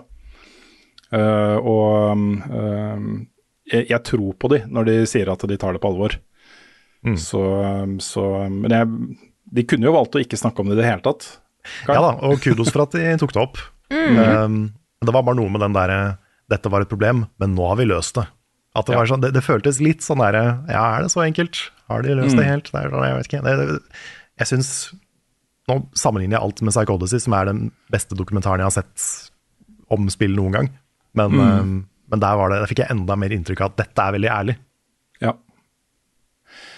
Og så snakker de også om eh, lanseringen, og der er, blir det jo ganske tøft å se på. Eh, særlig det, altså det som skjedde var jo at um, spillet ble utsatt noen ganger. De skjønte at de kom, kom ikke til å klare eh, de datoene som var satt opp. Og da, Det tror jeg heller ikke hadde vært snakka om offentlig ennå, men serverne deres ble jo hacka. Det ble lasta ned terabyte med data fra de serverne, og noe av det var jo da videofiler fra uferdige versjoner av spillet, hvor mange av de viktigste plottpoengene i spillet også ble da lekka lenge før spillet skulle lanseres. Uh, ute av kontekst, da, som sånne bruddstykker av historien, som uh, ble jo fortært på internett. Ja, det var en stygg tid på internett, ass. Ja, den, den derre negativiteten knytta til part to starta jo der. Ja, folk, Da gravde folk seg ned i skyttergraver og ble der. ja, og folk dukka opp på streams og spoila spillet. Mm. Bare på pur faen, liksom. Vi måtte jo Ja. legge inn eh, stoppa ord i Twitch-chatten vår. Ja. Mhm. Og folk hadde bestemt seg for at uh, dette her var et uh, søppelspill som dreit på The Last of Us Part 1, og de var overbevist om at dette er det verste i verden, uh, før Ja. de i det hele tatt hadde rørt spillet. Mm. Ja, altså det er ganske vondt å se Druckman og, og ikke minst Haley Gross, som jo ble henta inn for å hjelpe Druckman med det narrativet her, eh, bli dratt gjennom søla på den måten. Og måten de, måten de snakker om, om den opplevelsen på. Um, dette er mennesker, det også. Det er ikke mm. maskiner som spyr ut underholdningsprodukter. Ja, og skuespilleren til Abby også var jo noe av det verste. Ja, herregud. herregud. Den behandlingen av Laura hennes- Bailey. Laura Bailey Ja. ja. Behandlingen av sønnen altså, Sønnen hennes, som var ett år, Mm. fikk drapstrusler, liksom. Ja. Uh, ja, nei Ja. Ja. Dette her er en av de jeg, jeg ser på hele den konflikten rundt dette her, også disse holdningene til dette spillet, som en av de mest konstruerte problemstillingene i, i hele spillmediet. Fordi eh, spillet er jo dritbra, og det har solgt kjempebra. Dette er, dette er ikke gjengs oppfatning at dette er et drittspill. Og så er det Eh, helt lov til å, bare som jeg har sagt da, eh, det er helt lov å ikke like det narrative grepet de har gjort med måten historien fortelles på i spillet. Absolutt. Men du, uansett om du ikke liker den biten, så er jo ikke drapstrusler veien å gå, på en måte. Nei. Og det, jeg anmeldte det jo for leveløp. Og jeg har aldri i de snart elleve åra jeg har anmeldt spill, hatt så mange toxic, kjipe kommentarer i kommentarfeltet på en video. Men jeg tror jeg avbrøt deg litt i stad, Rune. Beklager. Og det var avbrøt jeg Carl. Sorry. I dag er det sånn. det, det går fint. Men, men det um, det var, det var en sånn kjip tid på internett, og det var jo stort sett ikke folk som allerede var en del av vårt community, det var nye folk som kom inn for å angripe alle som likte The Last of Us Part 2. Mm. Men det var en sånn stygg tid, ass. Det var liksom ikke, det var ikke greit å verken like eller mislike det spillet. Det, var liksom, det ble en sånn krig. Ja, men Mm. det, er så Altså, beklager at jeg avbrøt deg, Rune, men jeg er helt enig i det jeg konstruerte dette her, For at selv om en ikke liker det narrative grepet, så er jo ikke det, er ikke, det var jo ikke da den konflikten her handla om. Nei, det var, det, det var jo ikke det. Eller det mener jo jeg da ganske tydelig. At dette handler om eh, noe annet enn eh, enn bare spillet i seg selv og historien som fortelles og rollefigurene som er der og grepene som er gjort. Um, men um, ja, nei, vi har jo en i vår redaksjon. Jeg nevner ingen navn, folk kan gjette hvem det er. Som heller ikke liker de narrative grepene i The Last of Us Part 2 så veldig godt. Eh, og det har jeg ingen problem med i det hele tatt. Det, det er på en måte den derre toxic eh, vridningen av det, hvor, eh, hvor det, det blir en krig. Hvor en side mener de har krav på sannheten, om noe som det absolutt ikke er noe sannhet om. Dette er en subjektiv oppfatning, og min subjektive oppfatning er at de, dette er en av de sterkeste spillhistoriene jeg vet om. Den gjør vondt, men den er dritbra. Mm. Ja, det er, det er det som er litt interessant med det spillet, at grunnen til at mange misliker det, er jo grunnen til at jeg liker det. Ja, jeg er litt der sjøl. Ja. Det er sånn, Ja, det det, er at, det at du liksom De situasjonene du havner i i det spillet, det er ikke meninga du skal kose deg med de. Nei, Nei. det er ikke det. Og det, jeg syns det er kult, da. Men hadde diskursen handla om at, uh, at en kunne diskutere hvorfor de har tatt de ulike narrative grepene, så hadde det vært en ting. Men eh, Jeg tror ikke dette hadde skjedd ja, hvis ikke eh, det hadde vært for den eh, lekkasjen og den hacken. Eh, Ja. så, så tror jeg på en måte det hadde vært en helt annen diskusjon. Det hadde nok vært mye mindre av det, i hvert fall. Ja, det er jeg helt sikker på. Så eh, greit. Men um, anbefalingen er altså å se den. Se Grounded 2. Den ligger ute på YouTube. Uh, og i spillet, hvis du har uh, The Last of Us Part 2 installert på din PlayStation-konsoll. Så kan du se den der, rett og slett. Eh, jeg syns det var i hvert fall veldig interessant. Det er alltid gøy å komme litt bak lukka dører på disse selskapene her. De er ofte ikke veldig åpne om det de holder på med. Så Nei. det er gøy å få se litt, se litt av det. De dørene er ofte veldig lukka. Mm. Er det så, setter så pris på å få sånne innblikk når de, når de først kommer. Her kommer Neder med Rune Fjell-Olsen, og han har ikke hår. Det har skjedd eh, ganske mye svære greier i spillenes verden om dagen, folkens, så det er bare å holde seg fast. Eh, Her eh, kommer det til å gå unna. Jeg starter med Epic Games, som har fått en ny aktør inn på eiersiden, nemlig Disney. Disney. Har Disney lov til å kjøpe mer ting? Jeg trodde måte ikke. satt opp en cap som sa nei, nå, nå har dere kjøpt nok. Nå må dere Altså, de dele med andre. Ja, ikke sant. De er jo ikke i nærheten av å ha en kontrollerende andel aksjer i Epic Games. Eh, Jeg tror det fortsatt er Tim Sweeney som sitter med, med styringsrett i selskapet. Eh, Men de har gått inn da med eh, 1,5 milliarder dollar. Det er 16 milliarder norske kroner, folkens. Ja, det er et eh, tulletall. Det fins ikke på ordentlig, nesten. Nei, jeg tror ikke det. Nei. Men de har jo en veldig konkret grunn da, til å gå inn. Eh, og det fikk vi se da i en trailer som er sluppet, eh, med taglinen 'coming soon'-ish. Eh, og det er jo en sånn derre eh, Disney-verden. Med massevis av forskjellige Disney-merkevarer som får på en måte hver sin verden inni her. De beskriver en slags sånn metaverse eller en åpen verden-type ting. Med både Avatar, og det var Star Wars, og det var Marvel. Um, det var Disney-greier uh, inni dette her, da. En kjempestor, uh, knytta da til, eh, til Fortnite, eh, ettersom jeg forsto det. Um, mulig det også blir et eget produkt, det vet jeg ikke. Kanskje neste Fortnite-map bare blir Disneyland? Ja, fordi altså, det, er, det er litt interessant å følge med på Epic nå, altså, for de gjør en del grep eh, som eh, posisjonerer dem ganske greit for fremtiden. Det er jo ikke så innmari lenge siden også Sony gikk inn på eiersiden i eh, Epic, eh, sammen med Lego. Eh, og resultatet av det har vi jo fått se nå. Eh, Fortnite har jo fått sin egen Lego-del som folk kan spille, med crafting og altså De kombinerer gledene med Fortnite med gledene fra Minecraft og lager en ny type opplevelse der. Um, og De er i ferd med nå å ta ganske greit grep om uh, særlig litt sånn yngre, yngre spillebasen. De har et veldig kult sted å dra nå, når de er ferdig med de første spilleopplevelsene sine og er klare for noe litt mer avansert. Mm. De posisjonerer seg jo for å bli litt sånn mer Roblox, at det er mange forskjellige spill inni Fortnite. Mm. Mm.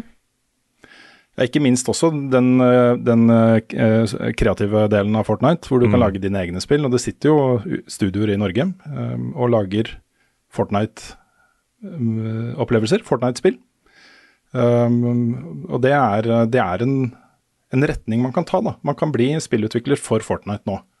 Sitte med Unreal Engine og lage dritkule opplevelser som ikke ligner på Fortnite i det hele tatt engang.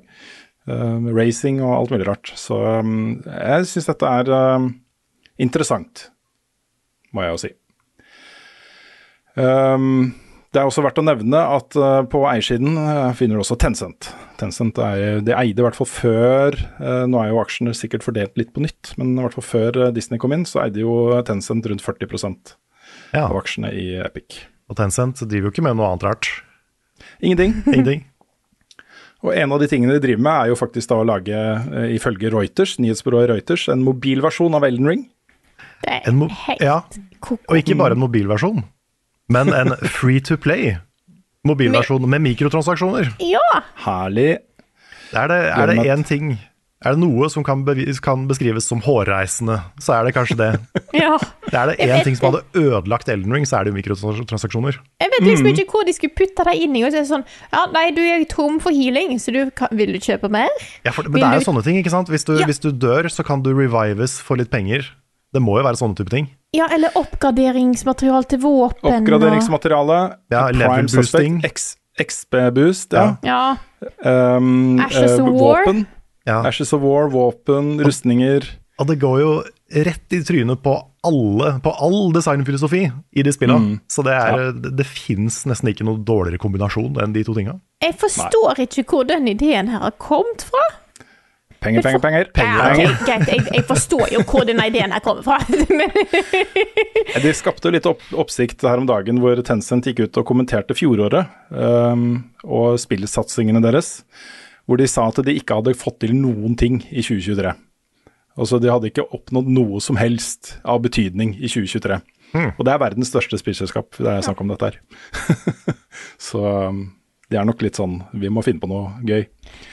Men altså, hvis dette her funker, og det, det fins jo en del free to play-spill eh, Det fins opptil opp flere free to to play-spill som har en OK monetiseringsmekanisme.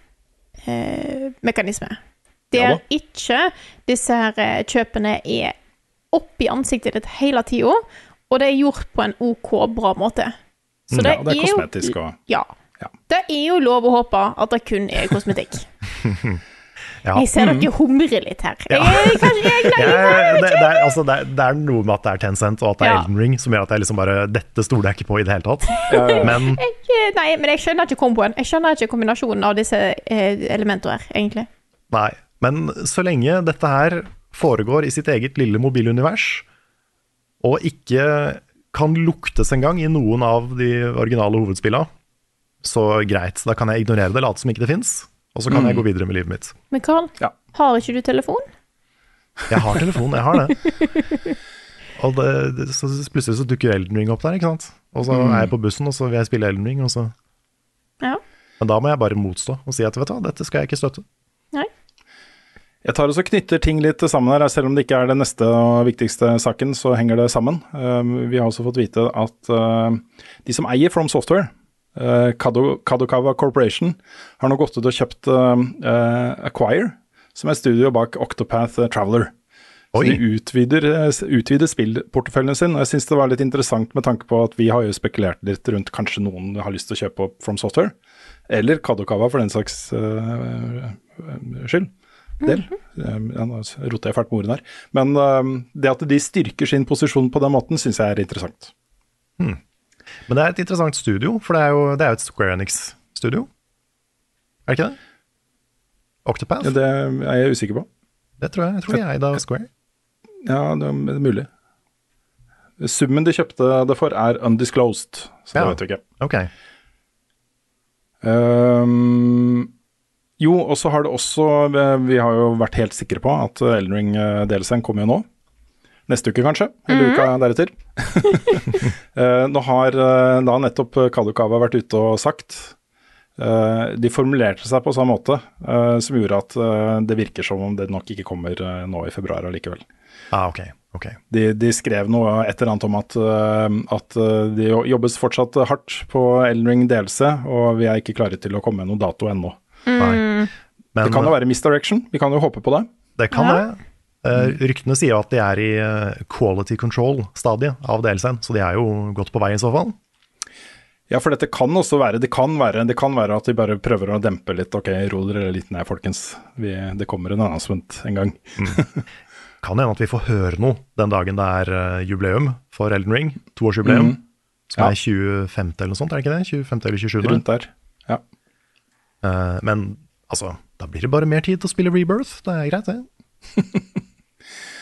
Vi hopper videre til eh, en annen sak som har fått eh, debattforumer eh, og sosiale medier til å brenne i uka som har gått. Og det er jo da rykter om at flere store Xbox-spill kan være på vei til andre plattformer, inkludert PlayStation og eventuelt Switch og, og sånne ting. Og det er nevnt med navn Indiana Jones-spillet, som er under utvikling, og Starfield.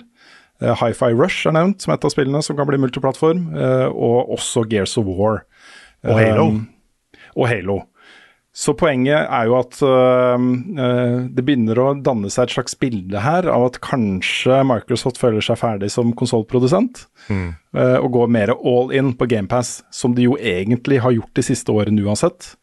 Um, jeg, jeg tror den der at de fortsatt har en konsoll, er nok øh, har nok vært lurt, men jeg, jeg tror de ser for seg en framtid hvor den ikke lenger er nødvendig. da. Det kan godt tenkes at de fortsatt lager en egen boks som heter Xbox, men at det blir mer som en liten PC eller et eller annet. da. Mm. Det er jo også, ser jeg, noen eh, annonser som har dukka opp, uh, som har rebranda til Microsoft GamePass. Aha. Så det også er jo et mulig tegn på at uh, ting skjer. Ja. Det er et spørsmål her da, fra Kjaus som eh, spør da, hva tenker dere om ryktene. Eh, Tror dere det er sannsynlig at Microsoft vil slutte å lage konsoller? Jeg tror det er ganske sannsynlig. Um, det, det å ha Det å ha alle de studioene de har, da. Um, og alle, alle de pengene de har brukt. Nå er det jo på en måte mer en spillprodusent igjen. Um, dette var jo en business de kjøpte seg, eller solgte seg ut av. eh, og hadde færre av. Eh, så satt de bare igjen med sånn Turn 10 som lagde Forza, og 343 som lagde Halo og, eh, og sånt. Og nå er det, eier du plutselig alt. Så gir det jo mer mening at flere får muligheten til å kjøpe disse spillene. Mm. Så um, jeg, jeg tror det strategisk nok er det de vurderer, da. Husker jeg rett at det er ikke konsollsalg en tjener penger på, det er spillsalg etterpå en tjener penger på? Det er en kjent sannhet i spillbransjen, det, Frida. Mm. Mm. Bortsett fra Nintendo, de tjener penger på konsoller. Ja, de Ja. tjener penger på ah, de tjener penger, de. Ja. Alle tjener penger på håndkontrollere og kabler og ting du trenger da, til disse konsollene. De Ja, er prisa med god margin. Det er det Yes. du tjener mest på, tror jeg. Ja, det tror jeg også. Nei, det er spennende. Nå skal det være en, uh, en uh, uh, pressekonferanse neste uke. Hvor uh, Phil Spencer og co. skal presentere sin visjon for uh, Microsofts fremtid innen spill. Tipper at dette er uh, grunnpilaren i den, uh, Mm. i den der. Men det føles litt da, som at noe har forandra seg. Fordi eh, det, var, det er ikke lenge siden det var snakk om at eh, nei, det er viktig at Starfield er en eksklusiv. Og det er viktig at uh, kommende Bethesda-spill og Hellblade osv. Uh, skal være Xbox og PC. Så det kan jo være det at eh, reaksjonen på Redfall og til en viss grad Starfield da, har gjort at de har skjønt at liksom, de har ikke de bombeeksklusivene som de hadde håpa de skulle få for å drive en konsoll. Jeg vet ikke. Nei, hvis, hvis de da mener, og det har de jo gitt uttrykk for, hvis de mener at fremtiden er GamePass, fremtiden er abonnement, fremtiden er å skape en dritbra abonnementstjeneste for spill, så gir det jo ikke mening å bruke masse tid og energi på å utvikle nye konsoller hvert sjuende år. Da, da fokuserer man jo på det, da, så prøver man å få GamePass inn på PlayStation. Men, Det- men det regnestykket er jeg spent på. Mm. Fordi da skal jo Sony ha en cut av GamePass. Ja. Hvor dyrt kommer GamePass til å bli på Switch og PlayStation? Ja, jeg vet ikke. Det, for det, det må jo, hvis, hvis det skal være lønnsomt, og det er jo ikke lønnsomt nå, tror jeg, for, for Xbox. Så for at de skal tjene penger på det, og Sony skal tjene penger på det, og i tillegg liksom gå glipp av alle salget av spill på PlayStation da, og Switch, det, det er ikke et møte jeg vil ha ansvar for, holdt på å si. Nei, men Sony har flere utfordringer der. F.eks. Uh, streaming fra en telefon, smarttelefon til en smart-TV um, med en uh, trådløs håndkontroller. Har du, du har Xbox, GamePass med Xcloud allerede der, liksom. Det Mm. finnes jo apper på smart-TV-er som er GeForce Now, og uh, Xbox har jo egne cloud-apps på smart-TV-er nå. Det, det er nok en mye større utfordring for Sony, tror jeg. Så uh, at de kommer fram til en eller annen ordning der, det er jeg ganske sikker på. Det, det, tenker jeg. Men ok, vi må haste litt videre. Det er Yes. en um, veldig interessant uh, mulig rettssak som, uh, som kanskje uh, kommer opp i California i USA. For Take Two Interactive og 2K Games er nå saksøkt, eller det ble det, i november, av en mindreårig, altså et barn, og moren hans, etter at de la ned diverse uh, 2K-spill. Altså NBA 2K, WWE 2K, PGA Tour 2K. Um, og de som saksøker det, kaller det jo da tyveri av penger. For her har jo barnet brukt penger på å kjøpe ting, gjenstander med virtuell eh, valuta i disse spillene. Har eiendeler, og så blir det lagt ned, og så er jo de borte. Um, og svaret, da. Uh, nå er det jo en dommer i uh, California som skal avgjøre om det er grunnlag for en rettssak her. Eh, og den avgjørelsen ble tatt i mars. Eh, men eh, 2Ks, eh, Take Two og 2Ks svar er jo at virtual currency is not plaintiff's property. Det er saksøkers property. Det er en Take Two-advokat som sier dette her.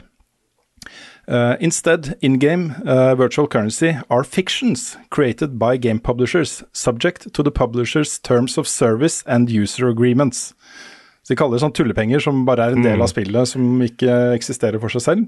Det, er sånn, det er veldig kvalmt, men jeg tror sånn lovmessig så er det jo sant. Jeg, jeg, jeg mistenker jo det, da. Jeg mistenker jo det. Det står sikkert i en eller annen de tingene som du sier OK, jeg er med Mm. på dette her. Uh, Mm. Så står det nede i side 42 så står det at uh, LOL, dette her er bare monopolpenger. Du gir oss penger, og så gir vi deg monopolpenger. Mm. Ja, nei, jeg tror jo at verdenssamfunnet må begynne å gjøre noe med hvordan vi behandler virtuelle gjenstander. Fordi det er så, blir så viktig for folk. Det er en del av det å være menneske. er jo å ha et forhold til ting som ikke eksisterer annet enn inni et spill eller i en uh, VR-chatrom eller et eller annet. Mm. Eh, det er ting som er viktige for folk. Ja, jeg tror jo sånn først, første, Det første jeg tenker er at eh, dette taper de, dessverre. Men jeg håper jo at denne type saker kan lede til bedre forbrukerrettigheter rundt de tinga her. Mm. Ja. For det, det trengs. Alle de pengene du bruker på enten digitale spill eller innhold i dig digitale spill. At det skal være noe form for garanti på at dette, dette kan ikke bare tas fra deg. Mm. Det er en spennende rettssak. Jeg tipper jo at det ikke blir rettssak, men um, Det, vi, vi tror du har rett. Mm. Uh, CD Project Red har vært ute og snakka litt om eh, Project Orion, som er jo det, det er jo Cyberpunk eh, 2. Uh, hvor de har oppretta et eh, nytt studio i Boston i USA. Uh, og den begynner de nå å befolke med ganske crack team av, eh, av spillutviklere. Også fra før av så vet vi at eh, mange av de mest sentrale folka på Cyberpunk 2077 er med i, i dette selskapet. Det inkluderer eh, eh, Gabriel Amatangelo, eh, game director. Um, eh, Pavel Sasko, associate game director. Igor Sasinski, som er creative director. Eh, du har cinematic director der. Du har eh, environment art director, acting lead, eh, quest designer. eh, engineering director. Alle disse er med da, i dette nye studio, eh, men de har også ansatt noen nye folk nå som jeg syns er kjempespennende. Eh, den viktigste, mest spennende her er en som heter Anna Meggel, eh, som eh, er ansatt som lead writer på Project Orion. Og hun har over 20 års erfaring fra spillbransjen. Hun har jobbet på Control. Uh, hun har også vært involvert med den kommende Fable-rebooten. Uh, og I tillegg så får hun selskap av en som heter Alexander Freed, som var lead writer på Star Wars The Old Republic i Bioware. Det er en del, del bra folk her, liksom. Jeg begynner å få ganske høye forventninger til dette spillet. Også. Så, um, så min store frykt har jo vært liksom at når de skal lage en oppfølger til et spill jeg har blitt fryktelig glad i. Jeg vet at folk er lei av at jeg snakker om det, men jeg, det, er også så sterkt, disse tingene dette spillet får til. Jeg har vært redd for at de ikke får med seg de riktige folka inn i en oppfølger. At de blir plassert til å gjøre- andre ting osv.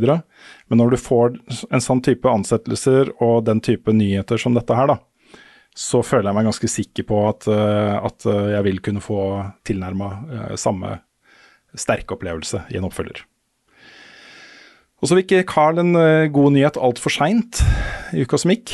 Alan Wake 2 har fått en patch som rett og slett toner ned på jump scares, Ja. hvis du vil ha mindre av dem. Det stemmer det. Mm. Den, eh, hadde jeg hatt den på launch, så hadde jeg brukt den, for å si det sånn. Ja. Det, altså, jeg, jeg, jeg skjønner argumentet til de som sier at disse jump scares har, et, har en funksjon et formål, men for meg, da, helt subjektivt, så hadde det vært en mye mer behagelig og ålreit spillopplevelse uten de. Ja, Begrunnelsen for at det ble innført var jo egentlig ikke at du er pyse, Carl. Det er Nei. mer det at uh, her har du jo en sånn blinkende lys og potensielt Ja. fremkalling av epileptiske anfall og sånt. Ja, jeg tror det spillet har vært ganske skummelt for folk med epilepsi. Ja. Så, så kommer på en måte sånne pyser som deg med på kjøpet da, Ja. til en sånn type oppdatering. Så det, er- det er jo fint. Det er fint. det er fint. Og jeg, jeg syns det er en uh, grei ting å kunne få lov å skru av, hvis man ikke For jeg- det er et veld, veldig bra spill uten det òg. Hva er dines best, hvor var fredag sist? Har Carl egentlig sopp? Ukens spørsmål. Vi har fått masse hyggelige spørsmål denne uka, og vi starter med spørsmålet fra Ørjan Larsen, som skriver Hei sann, skal dere teste Apple sin nye Vision Pro? Artig at du spør. Um, altså det er litt morsomt med den type lanseringer, fordi den er, sånn der, den, er så, den er så totalt uinteressant. For de har jo prisa seg helt ut. Altså, jeg, det er jo ikke i nærheten av å verken på firma eller i hvert fall ikke privat ta meg råd til å kjøpe en sånn. Nei, nei det er en vill prislapp. Ja, ikke 35 000 eller noe sånt, jeg husker ikke. Ja, Nei, det er jo, jeg syns jo Vive og Oculus var dyre da de kom. Dette er jo enda verre. Mm. Ja, men jeg har fulgt litt med, da. Jeg har eh, sittet og sett på folk teste det og sånt. Og de mest eh, spennende testene jeg har sett, er jo de som uh, tester Altså, de har den på 24 timer i døgnet. Det er, det er noen som har bare hatt den på en hel uke. Jeg tror de bare tar den av seg når de skal sove. Og ellers så bruker de den gjennom dagen. De sitter og kjører bil med den, de sitter på T-banen, de er på kafé. Alltid, liksom. Det er alltid så har de på seg den Vision Pro-en overalt, da. Uh, og formålet er jo å teste ut om eh, er dette et nyttig verktøy i hverdagen eller ikke. Uh, og jeg tror nok at hvis du jobber mye på Mac, hvis det er din prioriterte arbeidsplattform, og du jobber mye på den, så, eh, så har den nok en, en funksjon som eh, er mer enn det jeg kunne vært interessert i. For du kan jo i praksis få opp liksom hele desktopen din på Mac som et vindu i Vision Pro. Og du kan fortsatt se omgivelsene og bakgrunnen og kjøkkenet ditt og stua di og T-banen og parken du går i og alt, liksom. Men den er der, Uh, og du kan jobbe på den. Um, jeg, er, jeg har lyst på en, jeg har lyst på en, men den eneste grunnen til at jeg har lyst på den, er den derre 100 fot store skjermen du får flytende i det rommet du er i. Hvor du kan dempe liksom omgivelsene rundt den, og du får en kinoopplevelse da, med bare dette her. Det, er sånn, det har jeg lyst på. Den er 4K, og det er kjempekvalitet på den. og Det er en Apple TV Pluss-app der hvor du kan kjøpe filmer og se TV-serier og alt mulig rart. Det har jeg lyst på. Jeg Men jeg vil ikke betale 35 000 for det. Nei, Nei, jeg syns konseptet ja, konseptet er kult. Eh, en del av meg er jo sånn eh, Jeg trenger ikke flere distraksjoner. Altså, gå rundt med den konstant. Jeg, høres, eh, jeg skjønner at det er bare for testing. For meg så høres det ut som tidenes distraksjonsgreier. Men eh, utrolig kult at teknologi har kommet så langt òg. Da må jeg si. Mm. Jeg, jeg er så spent på det er generelt med VR. da.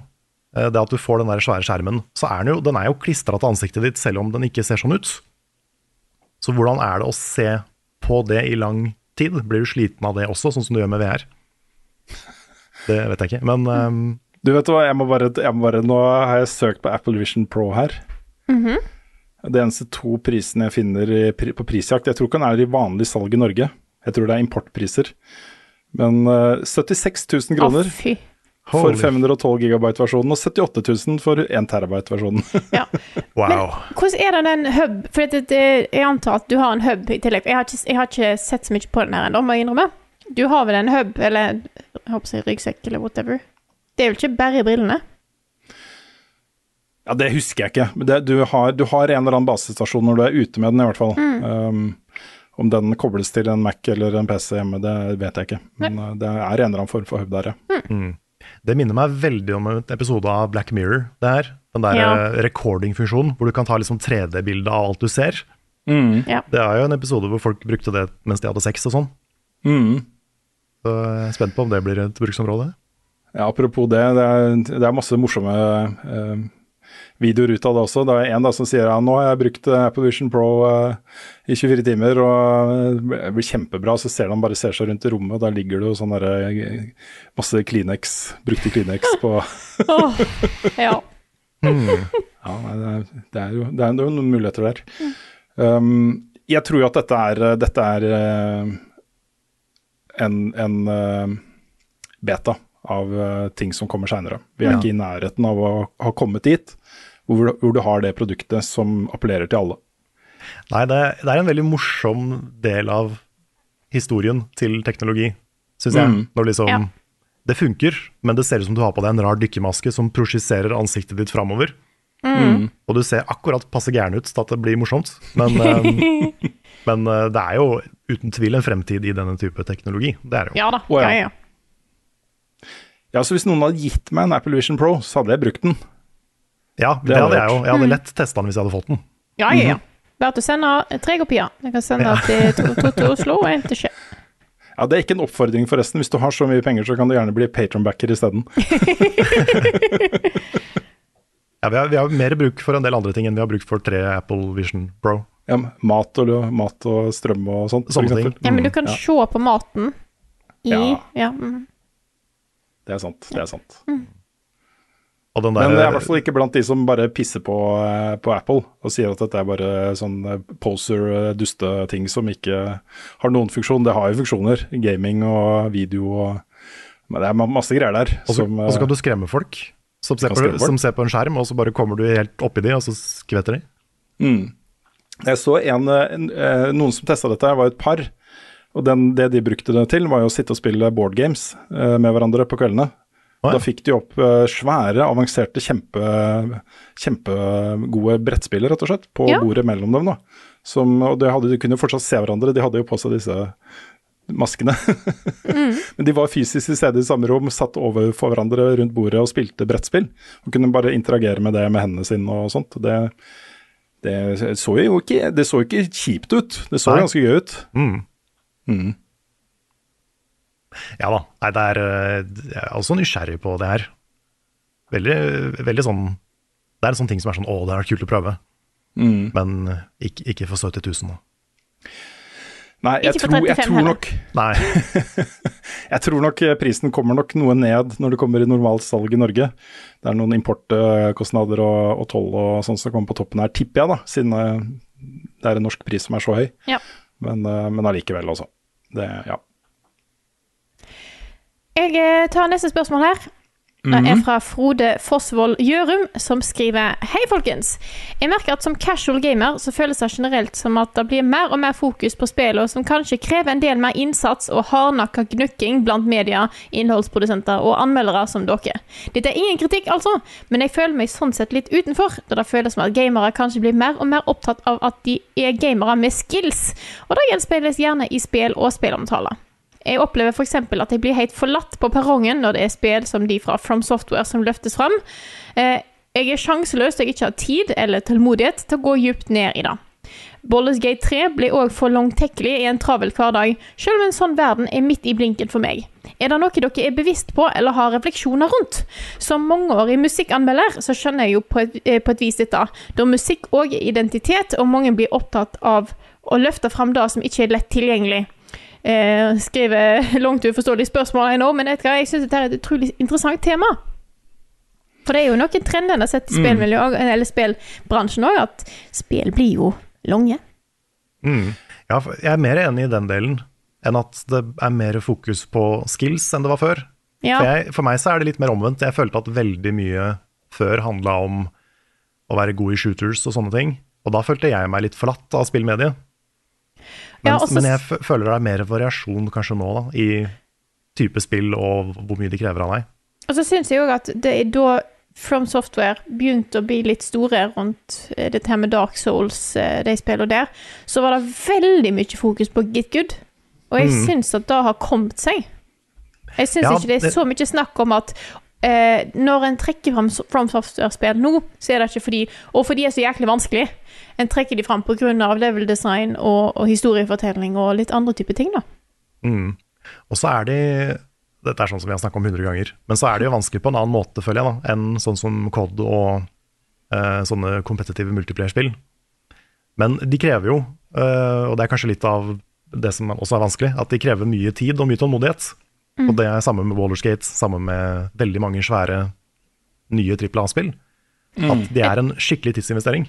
Ja, og det er nok ofte fordi de spillene som er såpass store og overveldende, hvis du kan kalle det det, som Ballerskate 3 og Elden Ring, de gir jo et veldig stort inntrykk over veldig lang tid, og det er jo derfor vi ender opp med å snakke ganske mye om de òg, fordi de har så mye innhold, og da er det lettere å på en måte holde samtalen i gang over mange episoder og, og lengre tidsperioder enn hvis du har spilt et lite spill som f.eks. Slay the Princess, som vi snakker om en gang eller to. Eh, det tas ikke opp igjen på nytt og på nytt og på nytt på samme måte. Eh, men det er jo utrolig mye stilige, eh, kortere spillopplevelser nå for tida òg. Eh, selv om det kanskje blir snakka om i litt kortere tid i tillegg. Ja, jeg, jeg mener jo da at øh, det spørsmålet kommer nok, føler jeg da, mye fordi vi snakker mye om From Software. Mm.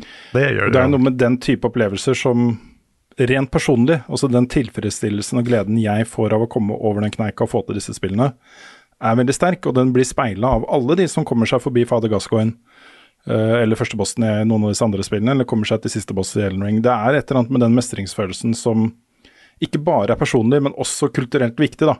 Det er en, det er en del av spillmediet som har en funksjon. Uh, men jeg mener jo da at vi generelt, hvis vi ser bort ifra det, så er vi jo veldig flinke til å snakke om uh, f.eks. accessibility-innstillinger i, uh, i, spill. Det at man kan runde uh, The Last of Us-spillene um, uten å kunne noe om dataspill i det hele tatt, er jo en viktig del av spillmediet som jeg føler vi bruker en del tid på. Mm. Um, senest med nye Prince of Persia-spillet. Som hvor du kan lage dine egne plattformer, og du kan skru ned vanskelighetsgraden og skru opp helsen din og skru ned skaden fiendene gjør, og du kan gjøre en del greier da, for å gjøre spillet mye lettere og mer tilgjengelig. Mm. Og så føler jeg, ja, jeg føler òg at jeg er relativt åpen om det. Jeg syns at ok, dette er ikke en opplevelse jeg vil ha. Nå er det eh, Det er jeg orker ikke bruke tid på å bare sitte og stonge i en vegg i en evighet. Eh, for eksempel Alan Wake 2, som både jeg og du, Carl, og Nick skrudde ned vanskelighetsgraden, for vi syns at det var ikke At combaten var litt slitsom. Mm. Eh, hvis jeg, der, jeg har ikke den opplevelsen at 'Å, jeg er ikke god nok til å fortsette'. Eh, da setter ned på is i et nederlag. Absolutt ikke. Eh, Nei, så jeg føler kanskje er... vi er ganske åpne om det, sånne ting som dette her, da. Ja, for der er jeg også Jeg har ikke lyst til å være en del av den der git good-kulturen i noen Nei. spill.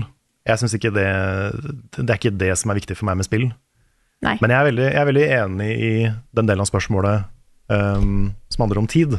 At liksom for det, for det, snakker nok ikke jeg så mye om. At uh, vær bevisst på at hvis du plukker opp dette spillet, så er det en svær tidsinvestering. Og uh, hvis du har dårlig tid, så kommer det til å ta deg lang tid å komme deg gjennom det. Mm. Men det er noe jeg, jeg, tenker en del på. Sånn, jeg som jobber med spill, har ikke tid til å spille alle spill. Hvordan er det ja. da for folk som ikke kan bruke Som bare bruker fritida si på, på det? Mm. Det er en grunn til at jeg som regel spiller korte spill. Mm. Ja. For det er jo en case for veldig mange. Mm. Så det er, er, nok en ting vi kan bli flinkere på å snakke om. Da. At ja. Eh, mm. noen spill er mye større investeringer enn andre. Ja, for akkurat sånn som Frode her, så eh, jeg har jo bare spilt akt 1 av Boulderskate 3.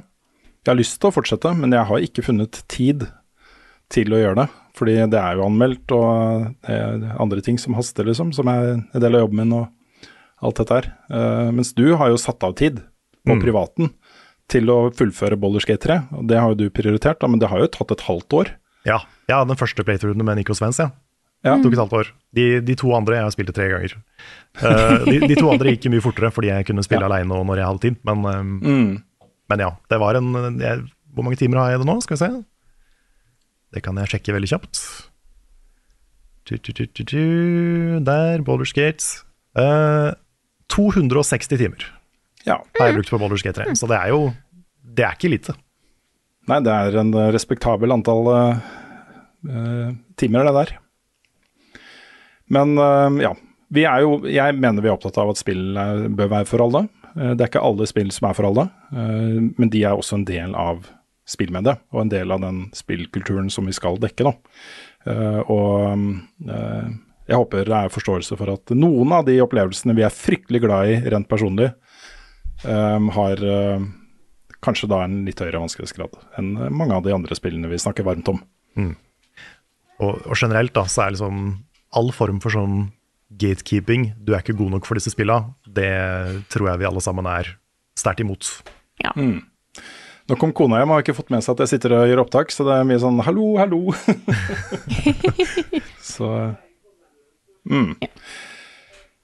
Yes, Nå blir det litt action i bakgrunnen her. Skal vi eh, fise gjennom litt uh, flere spørsmål før vi gir oss for dagen? Ja, så et par spørsmål til. Har du et, Karl? Det har jeg. Det er fra Bent Brattbakken på Patron. Han sier godt nytt eh, level up, både år og som selvstendig. Tusen takk. Jeg eh, pleier å høre på podkasten når jeg er på løpetur. Spørsmålet blir da som følger. Hvordan er level up-gjengen sitt kosthold og aktivitetsnivå? Klarer dere å kombinere dette med en jobb og hobby innenfor gaming? Nei. Nei. Det har kommet seg. Jeg har vært forferdelig dårlig. Eh, altså, Jeg vil ikke si at jeg har vært flink. Jeg tror du, eh, Karl, har holdt mye på mer med ringfit enn jeg har vært aktiv de siste to-tre åra. Men jeg har begynt på tennis igjen.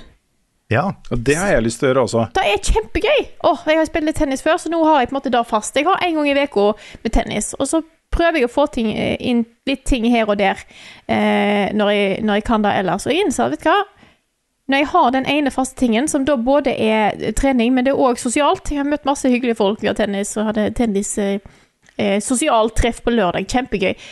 Det er organisert idrett, folkens. En trenger ikke bare trene på et treningssenter. Det kan være skikkelig drittkjedelig iblant. Eh, så jeg er veldig glad for at jeg har tatt opp igjen tennis, altså. Det som er så dritt, vet er at da de bygde dette sameiet som jeg bor i, det er to bygninger, men det var opprinnelig også en tennisbane. Oh. Den er der fortsatt, og den ligger jo rett, så ligger jo bare 50 meter unna her jeg bor, så ligger det en tennisbane. Men den er, ble solgt unna, da, f- eh, tror jeg, før folk begynte å flytte inn her på 30-tallet. Så den er eid av en tennisklubb som drives med jernhånd.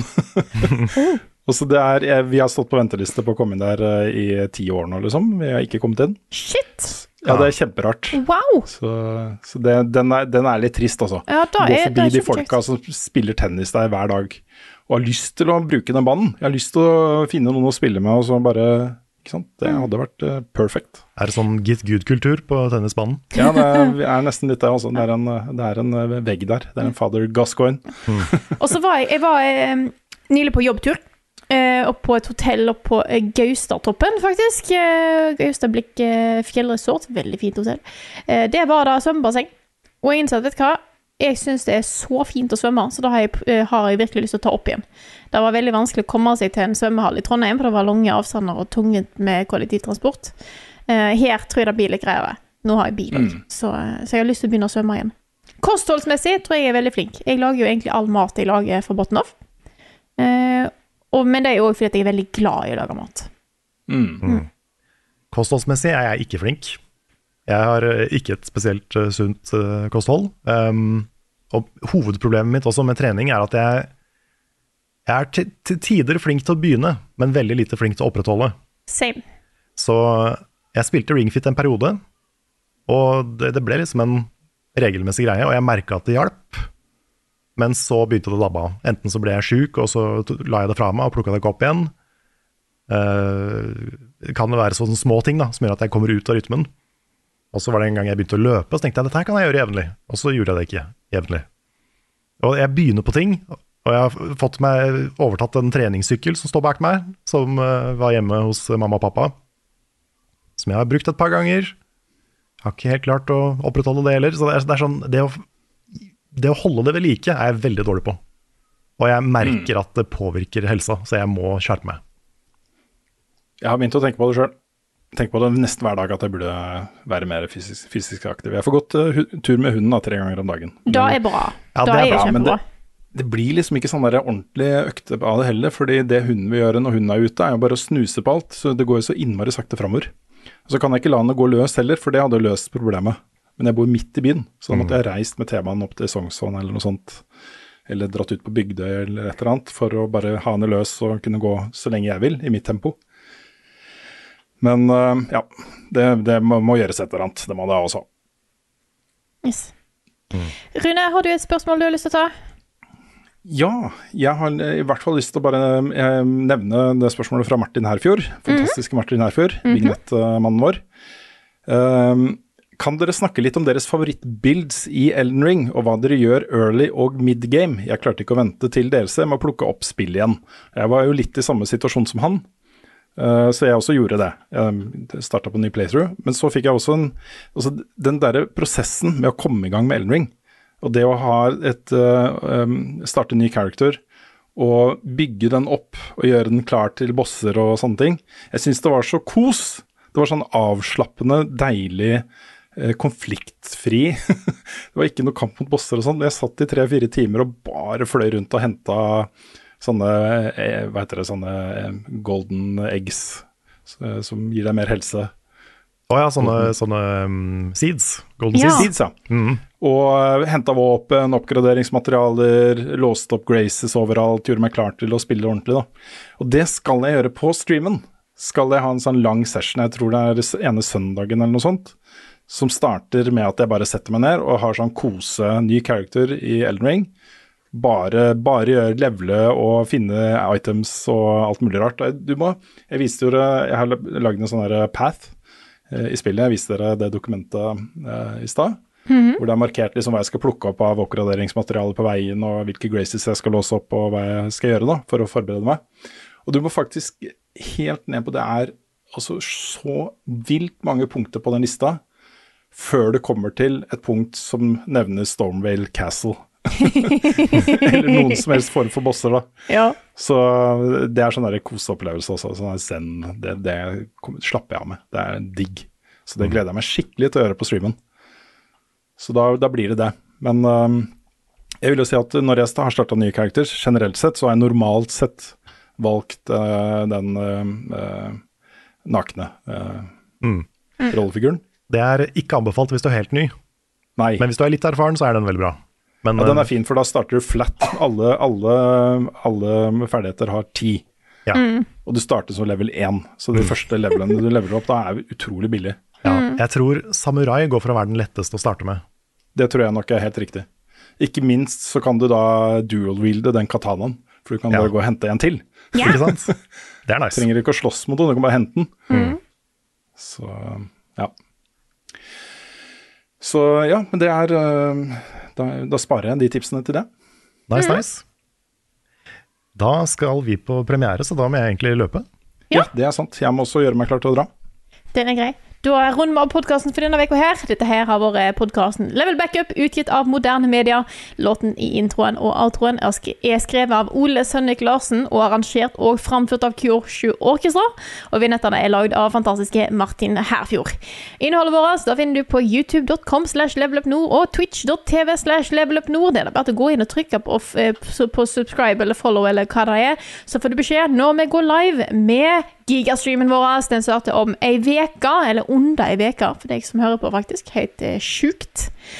Eh, bli gjerne med på discorden vår på discord.gg slash levelupnorge. Der får du òg varsel når vi går live, så du får varsel hver gang vi går live nå eh, de, fra 15. februar. Jeg prøver å plugge dette så mye jeg kan faktisk akkurat nå.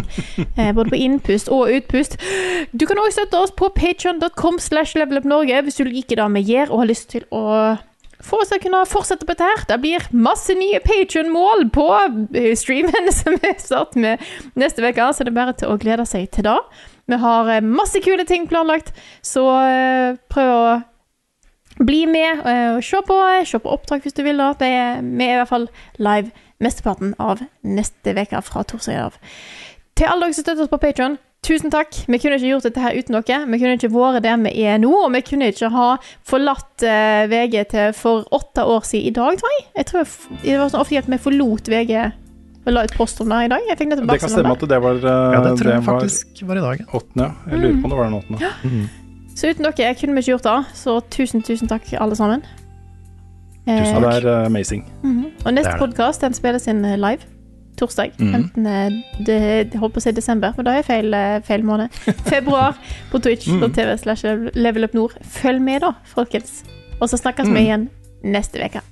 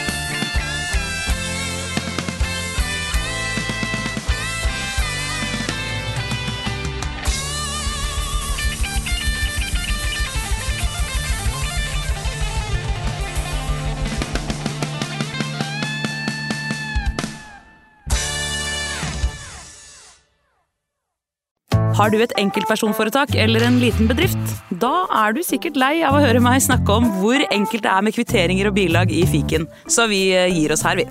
Fordi vi liker enkelt. Fiken superenkelt regnskap.